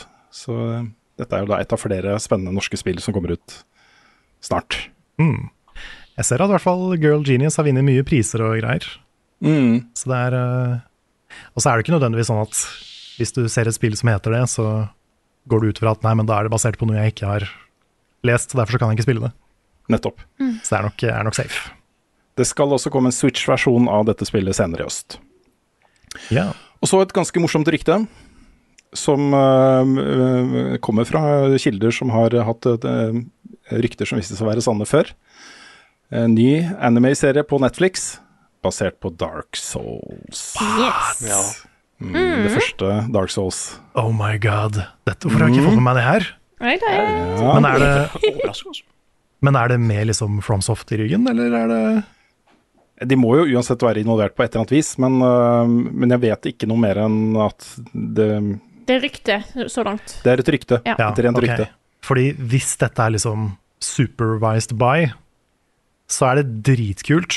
Mm. Hvis det er litt mer sånn fanfiction, så er det ikke fullt så kult, men fortsatt kult. Ja. Men, men jeg bare ser for meg liksom Altså den offisielle historien fortalt på den måten, da. Det er noe der. de klarer Og det spørsmålet er på en måte hvor, er- hvor de tar det. Det er jo òg eh, Souls, eller FromSource-spill generelt, har jo en ganske vag pøss Altså på en måte historie du er nødt til å sette litt sammen sjøl. Eh, hvordan de oversetter dette til en TV-serie som som regel er jo TV-serier ganske historiedrevne. Jeg er spent på hvordan de gir den eh, konverteringen der, da. Mm. Jeg, jeg blir ikke så overraska hvis det blir noe sånn Star Wars Vision-opplegg med det. Med at det liksom hver episode er en historie, liksom. Ja, Det kunne mm. vært. Det Det er sant. Men jeg, jeg har tenkt litt på det- når det kommer til Elden Ring, da. Hvis det skulle, vært, hvis det skulle gjort det med Elden Ring. Hvor kult hadde det ikke vært hvis liksom Nå gikk de tilbake til materialet til George R. R. Martin. Han fikk en litt mer aktiv rolle i å utvikle den serien. Mm. Og fortelle direkte historien som han tidligere har fortalt med Laure. Det er noe der som er litt spennende. ja, det hadde vært den beste anime-serien du kunne lagd av eh, Elden Ring, i hvert fall. Jeg tror det, altså. Ja. Men uh, tenk, om, tenk om de hadde liksom bare lagd noe skikkelig sånn stilistisk fett. Altså, nå er jo allerede Dark Souls veldig inspirert av Berserker. Kanskje det, Tenk om det var en sånn visuell stil inspirert av det igjen, liksom. Berserk. Berserk, ja. Berserk. Eh, unnskyld. Ja. Unnskyld. Jeg driver og, jeg driver og planlegger um, Barbarian-figuren min i Boulderskate 3, skjønner du. Ja. Som bør ha liksom Berserker som uh, subclass. Ja, det tror jeg. Jeg har, jeg har hørt så mye bra om Berserk nå at jeg liksom Dere må si fra hvis det kommer en sånn dritbra anime. For jeg har hørt at liksom, dere venter fortsatt på det, gjør dere ikke det? Ja, Men, men, men, ja, ja, jeg har jo alt, det er jo filmer her, da. Det er jo sånn, Ja, men er de, er de bra nok? De vil jeg si er altså, altså, altså Det beste er å lese mangaen. Sånn 110 Ja. Men hvis du ikke er en lesekar, liksom, og du Mm. får med deg de tre filmene som handler om den første svære arken i Berserk, så føler jeg den får jobben ganske godt gjort. Okay. For jeg har ikke sett disse filmene. Jeg har ikke sett serien heller. Jeg har kun lest mangaen, faktisk. Men hvis Jeg har den, men jeg har fortsatt ikke begynt på den. Jeg er sånn innbundet, den der skinnversjonen. Ja, du har det, ja. Ja, jeg har det. Kult. Nei, ja, Det er noe sånn Berserk med Memorial Edition eller et eller annet sånt som har delt opp de filmene i episoder da, på Crunchyroll. Okay. Så kan du se den Aha. første store arken som heter Golden Age Ark i Berserk. Ok. Ja, Vi fikk, hva- en, vi fikk en ny nå som ikke var så bra. Ah, ok. Nei, fordi eh, nå blir det, dette blir veldig digresjon, men hva, hva skjer nå som han forfatteren er død? Det som har skjedd, er at eh, han har hatt en nær venn eh, som eh, har tatt over. Eh, han eh, forfatteren har visst fortalt han vennen om mye av historietrekkene foran, framover. Det var òg ganske mange som hjalp til med tegninger mot slutten, sånn at de klarer å på en måte fortsette samme stil. Eh, og det har kommet ut kapittel ganske jevnlig siden hans død. Eh, jeg har lest en del av dem. Jeg syns, jeg, jeg, jeg syns de klarer å bevare mye av det, men eh, eh, en ender jo på en måte, de, de store trekkene blir sannsynligvis eh, forfatterens eh, visjon. Eh, detaljene vet jeg ikke. Det, altså, det er på en måte det er vanskelig å helt si, da. Sånne ting har jo skjedd med, skjedd med bøker tidligere, at du har hatt andre som har på en måte overtatt og fullført Mm. historier og sånt. Så eh, jeg har fortsatt å eh, ville lese. Men jeg vet at det, det, det Selv om det ikke Det blir ikke helt det samme, kanskje. Men de fortsetter faktisk. Ja, cool. Jeg går videre til et annet uh, saftig og um, ikke så veldig overraskende rykte. Uh, og dette ryktet er basert på filnavn på eh, hjemmesiden og litt sanne ting. Um, Red Dead Redemption Remake. Red Dead Redemption Oi. Remake. Ja, men det har det gått rykter om i mange år. Ja, ja, ja. Altså egentlig fra Red Dead Redemption 2 kom ut. Og det er jo mange linker til uh, originalen i det spillet også.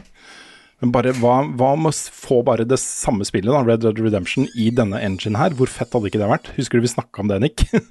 Stemmer. ja. Så det er nok det som har skjedd her. De bruker bare øh, engine fra Red Dead Redemption 2 til å lage eneren på nytt. Og jeg er all for it. Ja, jeg, Det skal jeg spille i hjel, altså. kan bli kjempebra. Jeg lurer på om de kommer til å ha mer ting nå. Mm. Det er jo en remake, da, så jeg antar jo det. Men eh, ja, det blir bra. Det er så mange som starta på spill nummer to òg, ikke sant. Så da kan de da, da får de på en måte en oppfølger. Mm. Ja. Ja. Ja, jeg sitter med en følelse av å ha lyst til å spille Red Dead Redemption 2 igjen. Det er bare Det som stopper meg hver gang, er at det er så langt.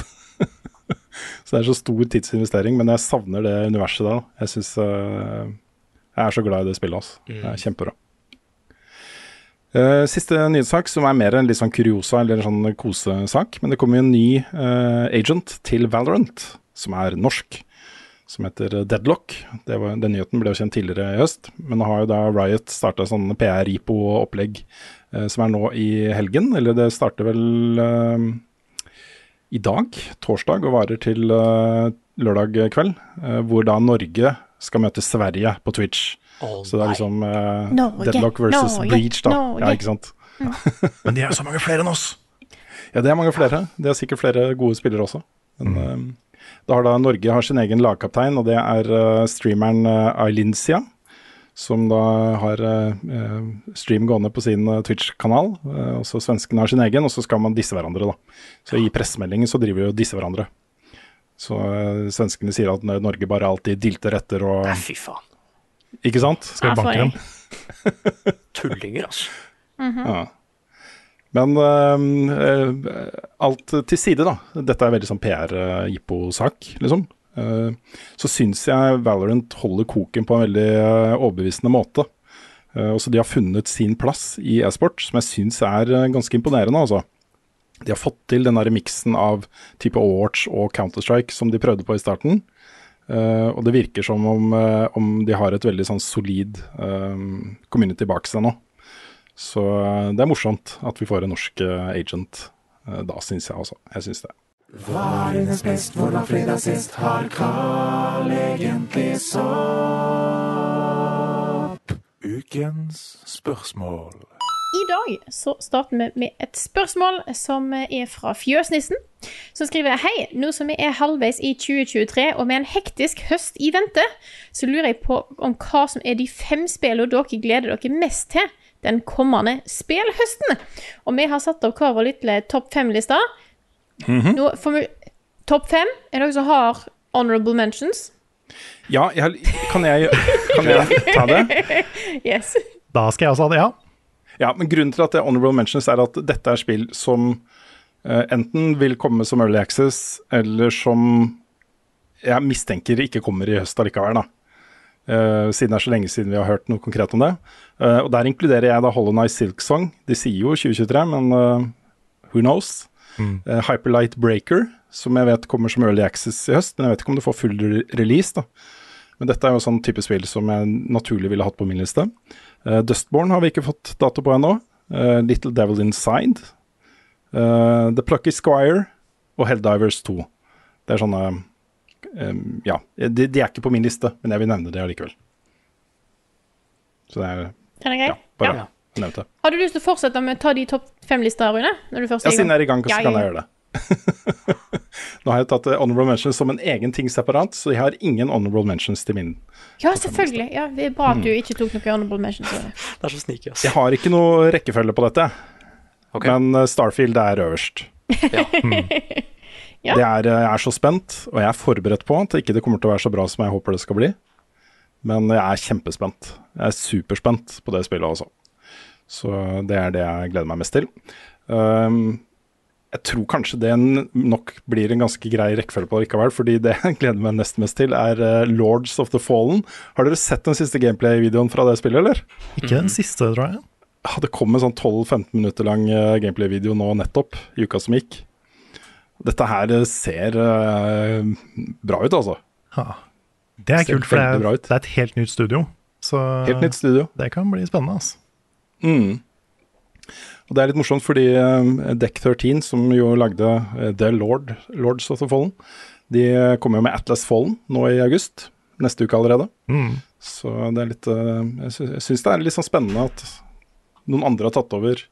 Mens da originalutviklerne, som jo også hadde The Surge-spillene, veldig Souls-like, nå har gått over mer i sånn action adventure, God of War-sjangeren. da. Så ja, jeg er spent på hvem av de som kommer best ut av det, for å si det sånn. Mm. Og så har jeg Cocoon, nye spillet til da Jeppe Karlsen, som var um, art director eller noe sånt. Um, på Limbo Inside. Nytt eh, studio, nytt spillkonsept. Det ser latterlig bra ut. Og så har jeg Alan Wake 2. Ja, Det kan nok bli et av årets virkelig, virkelig store spill, altså. ja, det kommer i år, det. Det kommer i år. Shit. Uh, kjempespent, altså. Eh, og så har jeg en eh, litt sånn dark horse på den femte der, og det er Fort Solis. Som er et sånt eh, survival horror-spill på Mars. Med eh, Nå husker jeg ikke stemmeskuespilleren. Hva heter stemmeskuespilleren til Arthur Morgan igjen? Ja, hva- var det ikke noe Roger eller John eller et eller annet sånt? sånt. Roger Clark, kan det stemme? Ja, det, ja, det var noe sånt, ja. Skal se, jeg skal, skal jeg google dette her for, eh, for å få det helt uh, sikkert. Han hadde sånn navn at Eh, ja, ja, Hovedpersonen er Troy Baker og Roger Clark. ja, Roger Clark. Julia Brown er også med på, på cast-listen der. Det, det ser ut som et veldig sånn stilig uh, og stilistisk og veldig skummelt uh, Mars horrorspill. Så jeg gleder meg veldig til det også. OK. Har du lyst til å ta over, Carl? Det kan jeg gjøre. Da tar jeg også noen honorable mentions. Fordi jeg hadde en topp top, fem, og så nevnte Rune et par spill til som bare sånn Å, shit, de er også 2023. Da ble det flere. Så eh, mine honorable mentions er Super Mario Wonder og Lies of P. De er høyt oppi der. Eh, nevner også Demon School, fordi det har ikke fått noe dato, men det kommer kanskje i år. Okay. Og så har jeg ikke tatt med Boulders G3, fordi det er på en måte ute. Ja. Ja. på en måte så er det Det det. er liksom, nå, nå er det faktisk Det var derfor det var ute av min liste også. Ja. Men topp fem. Jeg går oppover, så liksom fra femteplass og opp. Uh, femteplass, The Plucky Squire. For det er, jeg har blitt helt forelska i det jeg har sett av det spillet. Helt fra første gang de viste det. Det er jeg veldig spent på. På fjerdeplass, Armored Core 6. Fordi uh, Jeg vet ikke om det kommer til å være noe for meg, men jeg er veldig spent. Det, det Kan liksom du nevne hvorfor jeg ikke hadde med det på min liste? Ja.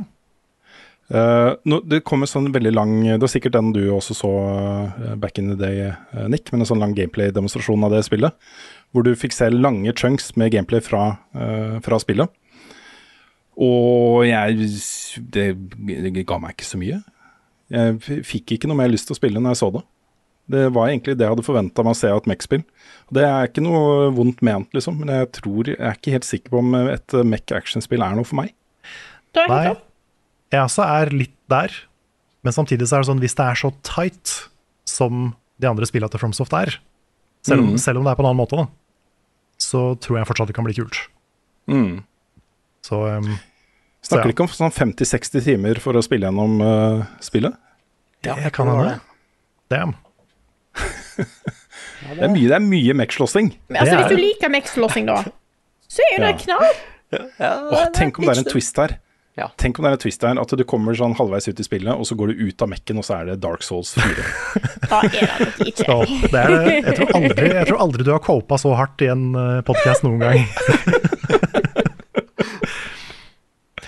nei, det, nei, men jeg, jeg er spent. Jeg, jeg håper at det er noe for meg, men jeg vet ikke.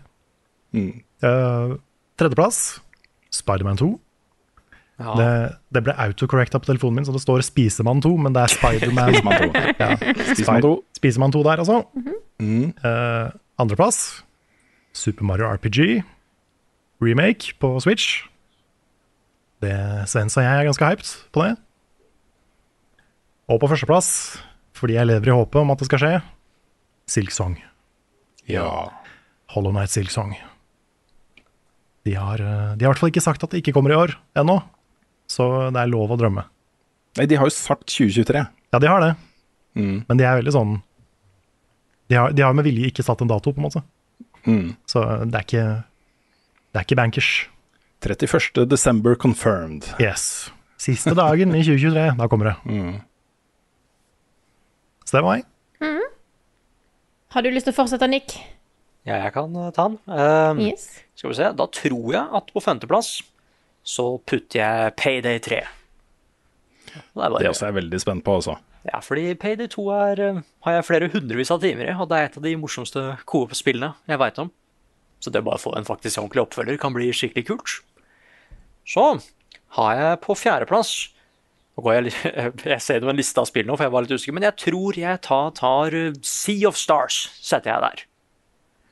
Som jeg, jo mer jeg ser av det nå, jo mer begynner jeg å virkelig Jeg har ikke spilt uh, Kronotrigger eller noe sånt, men jeg bare er så glad i at folk går tilbake til denne her stilen. ikke sant? Denne pixel, eh, litt sånn Game by Advance-aktig type stilen, og lager et moderne spill av det. Jeg tror Kronotrigger er det mest nik nikkete spillet du ikke har spilt. Ja, det tror jeg også. Det er jo Akiru Toriyama òg, ikke sant? Så jeg har ikke Det spilt det. det. Det er det. Det er ganske... det er Time travel og greier jo, Nick. Ja, det er alt du vet. liker. Jeg, jeg vet, jeg, det er jeg som er dum. Jeg tror jeg ikke spilte det, for jeg, det var rykte om at det skulle komme en anime. Så jeg bare, ja, men da kan jeg se historien istedenfor å spille. Oh, ja. Og så bare skjedde det ikke noe med det ryktet, så det var litt dumt. Nei, den, den lisensen har bare vært død i sånn Hvor mange år er det? Snart 30? Ja, det er mest up. Det er det. Ja, men, uh, men all right. så Bare gå, litt- jeg må også bare si at jeg hadde også hatt med Boulderskate hvis det ikke faktisk hadde blitt lansert i denne podkasten jeg kommer ut, liksom. Eh, men på tredjeplass, da. da. Da begynner det å bli serious. Der har jeg Starfield. Fordi det er Elder Scrolls in space. Og litt Fallout, liksom. Og det blir bare gøy å sette seg ned med et spill som jeg ikke kommer til å være redd for at jeg kommer til å runde for fort. Liksom. At jeg bare går rundt, har det gøy, og så lever jeg i det universet der i noen hundre timer. Så det blir gøy. På andreplass så har jeg Armored Core. It's, uh, it's happening. Og det var så gøy, fordi reaksjonen som Rune hadde, det var helt motsatt av det jeg hadde. For jeg var bare sånn Vet du hva? Wow, det ser ut som Armored Core. Skal jeg egentlig be om noe særlig mer? Hæ? Og så ser du sånn Nå har de faktisk et budsjett òg, ikke sant? Det ser faktisk ut som en dyr armored core. Ja, fordi det er, det er liksom det. Det er det at nå, har de, nå kan de putte all den lærdommen de har fått de siste så og så mange åra, med bare Souls, til å lage noe helt annet som er like polished. Mm. Det er noe der, ass. Det, det må liksom bli bra. Ja, jeg kan jo si da at det jeg så av det der presseventet presseeventet, var ikke helt det her. De viste noen andre ting nå som bare gjorde meg enda mer, okay. Enda mer gira. Ja. Nei, så det blir kult. Og så bare lever den serien igjen. Så jeg er også spent på liksom Jeg, jeg, jeg, er ganske aleine med Armor Corps. det blir gøy å høre hva dere syns òg. Mm. Og på toppen da, uh, svær plot twist, der er Spiderman 2. eh. Nei, er det sant? Ja, vet du hva, det er helt sant. Ikke Spisemann, men faktisk Spiderman 2. Uh, Mm. Nei, det er uh, det, det føles litt fælt ut, fordi jeg allerede har liksom fått Skal jeg be om mer Spiderman nå, når jeg fikk Across the Spider-Verse i år? Men vet du hva, ja, gjerne gi meg litt mer skikkelig bra Spiderman. Uh. Du er ikke redd for, å, redd for å gå lei av Spiderman på et punkt, da, Nick? Vet du hva, det har jeg aldri tenkt over. Fordi det-. Spiderman er Spiderman. Eh, Nei, og bare de må, Det må jo bli bra. Liksom Det forrige er fortsatt det beste superheltspillet for meg. Og Miles Morales var kjempebra, det òg, ikke sant? Ja, Nei, det, er nok det, det er nok det spillet i år som jeg er mest sikker på at det kommer til å bli bra. Ja, det, Ja, det er et poeng, for det er jeg helt enig med deg. Det er veldig sånn bankers, egentlig, at det spillet kommer til å bli bra. ja, og igjen, Sist gang vi fikk denne Venom ordentlige Venom-historien, var jo i Spiderman 3. Som var litt rotete, liksom. Så nå må de, nå må de vise, vise hva de kan. Oh, Venom. Jeg så akkurat uh, Warriors på nytt. Jeg er så glad i Tom Hardy. Skal jeg ta min liste? Ja. Kjør på. Jeg kom med en liten di- disclaimer her. Eh, Jeg har vært såpass opptatt i så langt i år eh, at jeg har ikke den oversikten over spillmediet eh, nå. Du har blitt doktor? Jeg har blitt doktor. Jeg har flytta, mm. fått ny jobb. Men jeg har ikke den oversikten over releases som jeg pleier å ha. Eh, så det kan godt være jeg har glemt noen her. Eh, men jeg har fått satt opp i lista, eh, og jeg eh, starter nederst på Hyperlight Breaker. Selv om det kommer i Early Access. Jeg syns det ser veldig stilig ut. Jeg er veldig glad i dette studioet. Jeg likte veldig godt Hyperlight Drifter, selv om det er en veldig annen stil. Um, så jeg er bare spent på det. Neste jeg har, er Super Mario RPG. Jeg har jo ikke spilt det før, så jeg er veldig gira på å se hva det spillet her faktisk kan tilby. Oh, det er så good vibes. Ja. Du kommer til å kose deg med det. ja.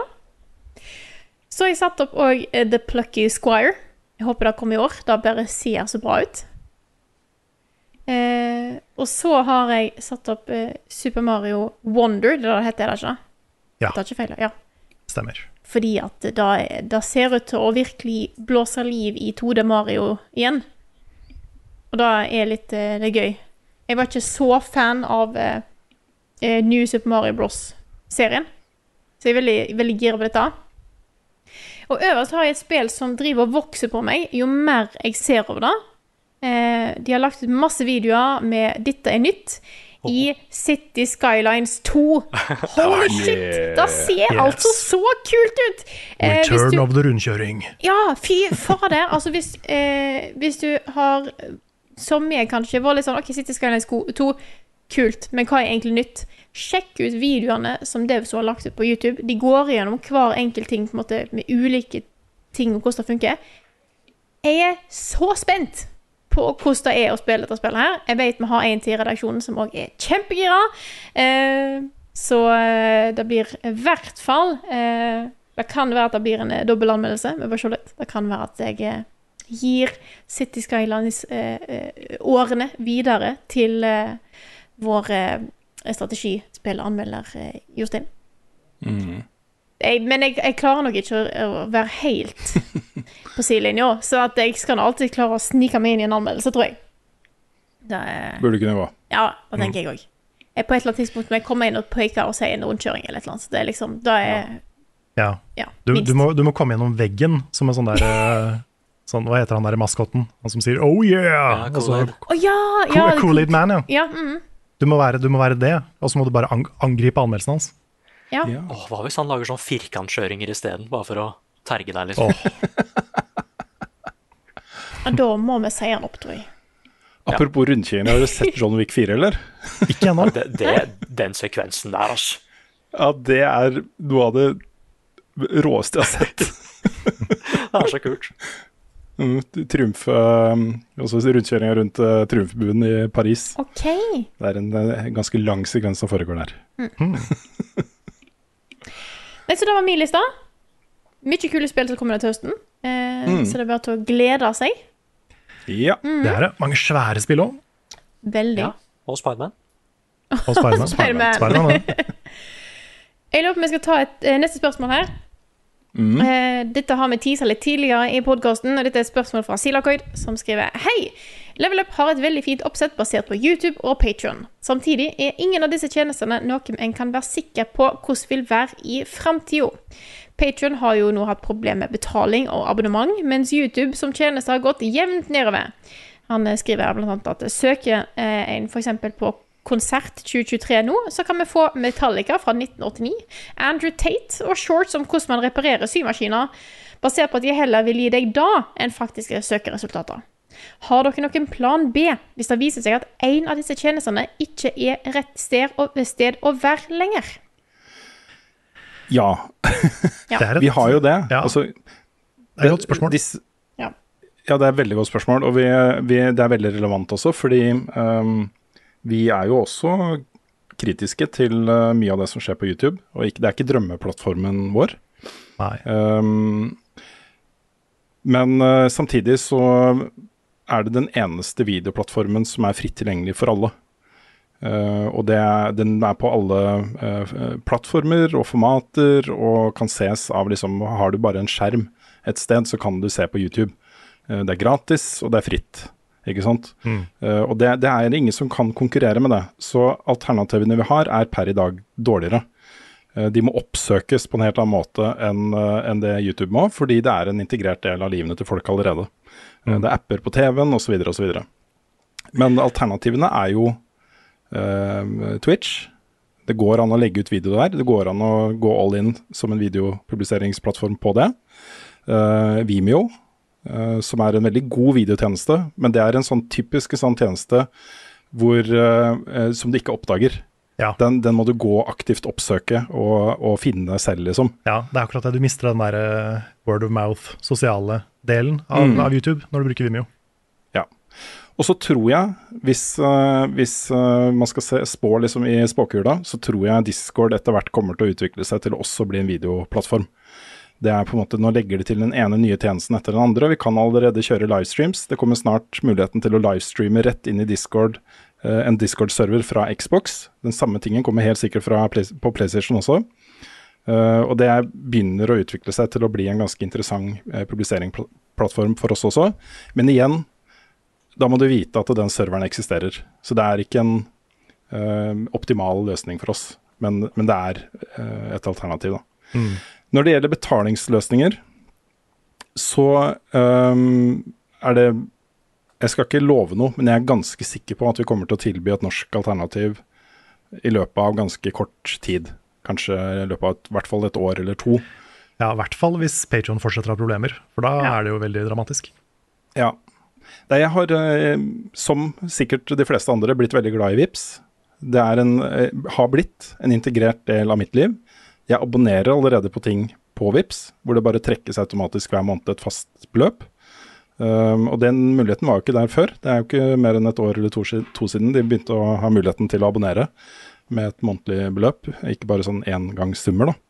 Uh, og det som er fint med den uh, for sånne som oss, det er jo at der hvis, hvis kortet ditt løper ut, eller hvis blir avvist, så legger du inn korrekt informasjon, fordi du allerede du bruker det på så mye annet. ikke sant? På å kjøpe bussbilletter og på å handle i butikken og sende penger til kompisen din og, og alt dette her, liksom.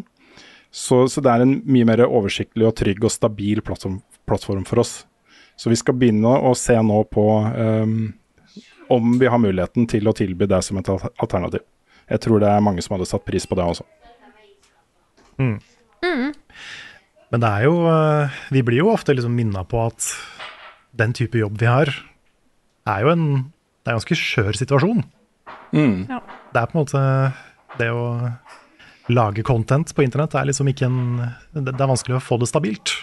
Mm. Så det, det merker vi jo spesielt i sånne situasjoner som nå. da. Med Mm. Plutselig så er masse backere bare sletta. Hva gjør vi med det? Nei, Ja. vi kan ikke gjøre så mye med det, annet enn å informere om det, liksom. Det er vanskelig å drive en sånn type redaksjon som vår i, i Norge også. Vi er få folk her. Eh, og det, det er noen andre eksempler på eh, andre redaksjoner som gjør akkurat det samme. Eh, det beste eksempelet er nok montasje på film. Som jo er avhengig av både støtte på den måten vi får støtte, men også statlige eh, midler og støtteordninger og den type ting for å kunne eksistere. Og de fyller jo en funksjon på samme måte som vi og nerdelandslaget og de som da dekker spill fast, gjør i Norge. Ja, nå er ungene ordentlig i humør bak her. Sånn er det hver kveld, folkens. Ja. hver kveld er det sånn. Så eh, jeg håper det ikke forstyrrer altfor mye, da. Men dette er, som du sier, Karl, disse tingene er kjempeviktige for oss, eh, og en, eh, en eh, helt avgjørende del for om vi kan eksistere eller ikke. Så vi skal jobbe mye med disse tingene framover også. Skal vi ta et uh, nytt spørsmål? Har du et, uh, Rune? Jeg har lyst til å ta et spørsmål her fra um, Mikael Odden, Uh, som er et sci-fi bokspørsmål. Um, hvor han sk skriver da Jeg har relativt nylig lest gjennom Three Body Problem-trilogien. Og de tre første bøkene jeg har lest, er Boobyverse, men det er Bob Bobbyverse-serien. Eh, parentes, anbefaler for øvrig begge sterk for de som ikke har lest de. I tillegg driver jeg og ser For All Mankind, så er dypt inne i Space, Space, Space for tiden. Space. Ja, Delspørsmål én, hvis dere har lest noen av de, tanker? Og delspørsmål to, har dere noen skikkelig bra sci-fi-eposer å anbefale? Gjerne i form av boktips, men spill og serier fungerer også. Ja. Og jeg har vært, og, um, vært innom tre forskjellige bokhandlere for å finne Three Body Problem, og det var utsolgt hos alle tre. Så øh, jeg har, fått, jeg har lyst til å lese den, men øh, jeg, jeg har egentlig enda litt mer lyst til å se Netflix-serien som kommer. ja, for nå kommer jo serien straks. Eller ikke straks, men mm. liksom, det er ikke så lenge til. Mm. Jeg, jeg vet ikke noe om den, annet enn at, at Sanne som Mikael og du, Nick, har anbefalt den. Så Ja, bare ikke, ikke, ikke les deg opp noe særlig på den. nei. Jeg føler at jeg kan allerede litt for mye av den, så det, så det virker spennende. Pluss at det er fra de som eh, lagde Game of Thrones. Så nå har de faktisk en mm. hel bokserie de kan følge, liksom. Ja, som har en slutt. Slutten er skrevet. Ja, og det gikk Mm. litt vilt for seg, men de, når, når, de fikk, når de hadde bøkene og de kunne adapte dem, så var det bra, ass. Så, Ja, det er ikke noe tvil om det. ja, så jeg, jeg, Det jeg har det. trua. Bobbyverse-serien har jeg ikke hørt om engang, så det vet jeg ingenting om. Nei? Men øhm, nå er det en stund siden jeg har lest øh, øh, sci-fi-serier. Jeg var også på jakt etter øh, Silo-serien. Som Ja. visstnok da på, norsk, på engelsk heter Wool. Wool-trilogien. Ja. Ja, er, ikke, er ikke Wool den første boka, og så er det to, andre, to bøker til? Det er mulig, jeg er usikker. Men øh, i hvert fall den har jeg lyst til å lese, for jeg ble så hekta på sesong én at jeg bør vite hvordan det går. ikke sant? Ja, same. Så, så den har jeg også lyst til å lese. Um, men de to sci-fi-seriene som jeg er mest glad i, uh, det er en, en uh, uh, britisk forfatter som heter Stephen Baxter, som har skrevet den Manifold-trilogien, som starter med Man Manifold Space. Og så er det Manifold Time og Manifold Origin. Den første er best, men uh, de har linker med hverandre som gjør at liksom hele serien er dritbra. da. Og så er jeg veldig glad i en forfatter som heter Ben Bova, som uh, har skrevet eh, Mars, Return to Mars, Venus. og det, det er på en måte veldig sånn der NASA-punk, da.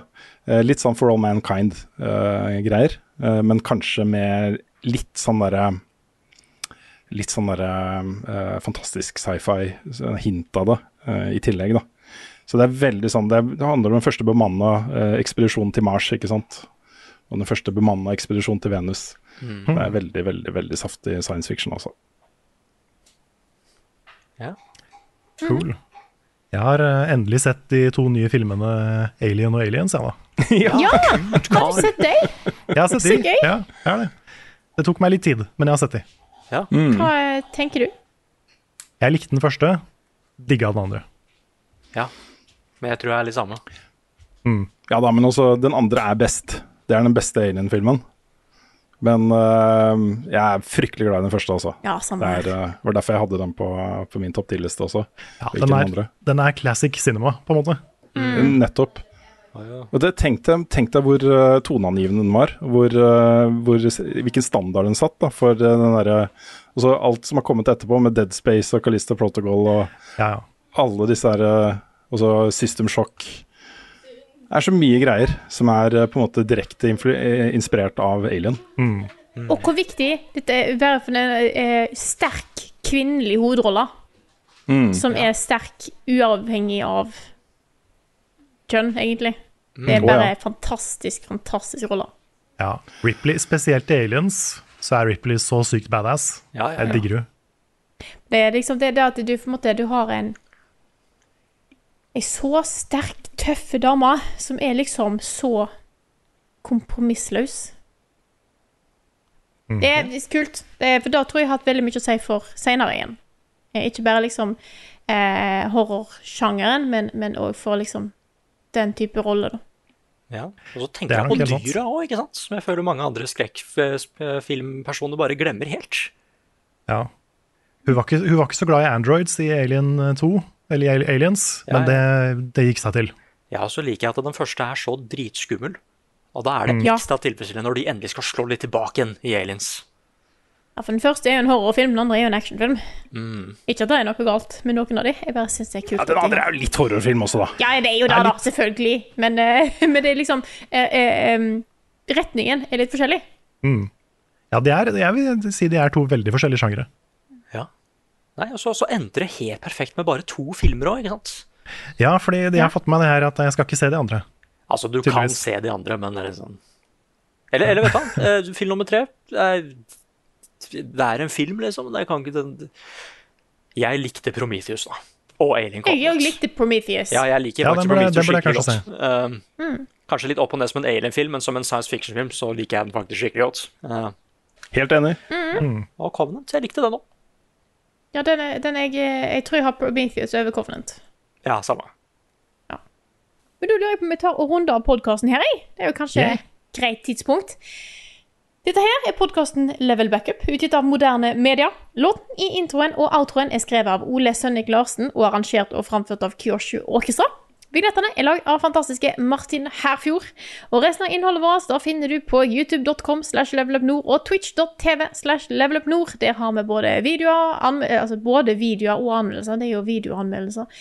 Ja. Vi har videoer som blant annet anmeldelser, eh, streams, eh, Let's Plays, podkaster hvis ikke du har fått med deg de andre.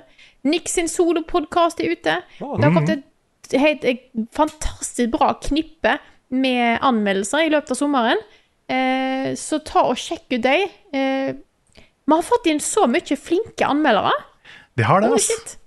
Folk har liksom, det er så gøy å se de nye på en måte finne sin egen stemme og bli litt varme i trøya, litt mer komfortable med, med å lage video. Mm. Det er så, kult. Så hvis ikke dere har eh, sjekka ut eh, det, da tar jeg på en måte det som har eh, kommet i, i løpet av eh, sommeren, er jo Tanja sin anmeldelse av Fall of Porcupine. Eh, så har vi eh, eh, Svendsen som anmelder Darkest Dungeon 2. Vi har Gud, nå blir det vanskelig å bla her. Hvorfor var det det, da? Leander, som har en helt nydelig Oxenfree 2-anmeldelse. Hvis ikke du har sett den, sjekk ut den. Det er Eh, litt, så, og- det er litt sånn David Lynch. ja! Han er så kreativ. Mm. Og så selvfølgelig nyeste eh, Andreas som anmelder Remnant 2. Check look, vet dere. Ja, check look. Check look. Kan jeg, kan jeg også få lov å plugge den, eh, den verste best konsoller-episoden som vi lagde rett før Ja. vi tok ferie? Ja! For den ble jeg også veldig fornøyd med. Den, den ble liksom Det skulle egentlig bare være en sånn derre Nå skal vi sette oss ned og liksom lettbeint eh, rangere konsoller. Men så ble det liksom en veldig sånn fint tilbakeblikk på spillhistorien. I hvert fall den delen av spillhistorien som vi har opplevd. da. Mm. Det er, så det er, ikke så mye, det er ikke så mye Commodore og Amiga og sånn.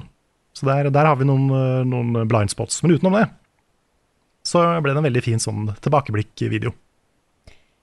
Og nå som eh, folk er tilbake igjen på sommerferie, så er det jo mulig at vi skal lage en til som vi har hatt eh, planer om ganske lenge. Jeg har veldig lyst. Ja, vi må jo få til det. Jeg er veldig klar for å lage mer Verste best. Det er Yes. uh, overraskende gøy å lage de, faktisk. Mm. Jeg har glemt hva jeg var i rekka, så jeg bare hopper videre. Bli gjerne med på discorden vår på discord.gg slash levelupnorge. Der er det mye spennende prat om ting som skjer i spillverden og den virkelige verden, og uh, level up-ting og you name it. Eh, deling av både matlaging og kjæledyr. så hopp inn, eh, bli gjerne med der. Og hvis du har lyst til å eh, støtte oss i det vi gjør, så gå inn på patreon.com slash levelupnorge og støtte oss med den, eh, det beløpet du har lyst til mulighet der. En ekstra eh, påminnelse om at hvis du støtter oss på Patreon, bare ta gjerne og sjekk innom eh, om du om det har gått gjennom likevel. Eh, Fordi Patreon betaler teit greie. Ja, setter veldig pris på hvis folk eh, gidder å ta seg tid til det. Ja. Vi er litt, vi er litt stressa. Så tusen takk til alle dere som støtter oss, som har støttet oss, eh, og alt som gjør at vi kan fortsette med å gjøre det vi gjør nå, eh, som er å lage kult innhold, syns vi i hvert fall, om spill. Eh, så tusen takk til dere alle sammen. Dere er bra folk. We love you. Og med det så runder jeg av podkasten for denne uka her, og så snakkes vi igjen neste uke.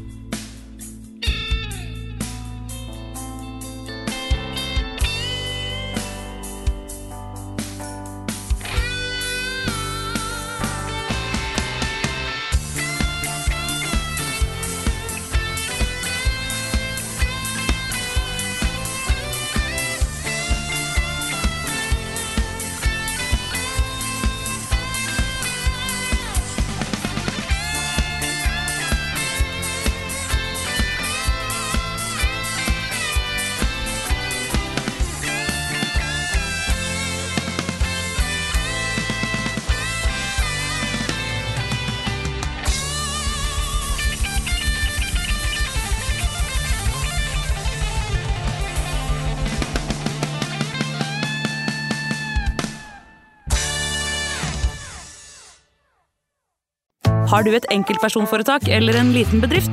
Da er du sikkert lei av å høre meg snakke om hvor enkelt det er med kvitteringer og bilag i fiken, så vi eh, gir oss her, vi. Fordi vi liker enkelt. Fiken superenkelt regnskap.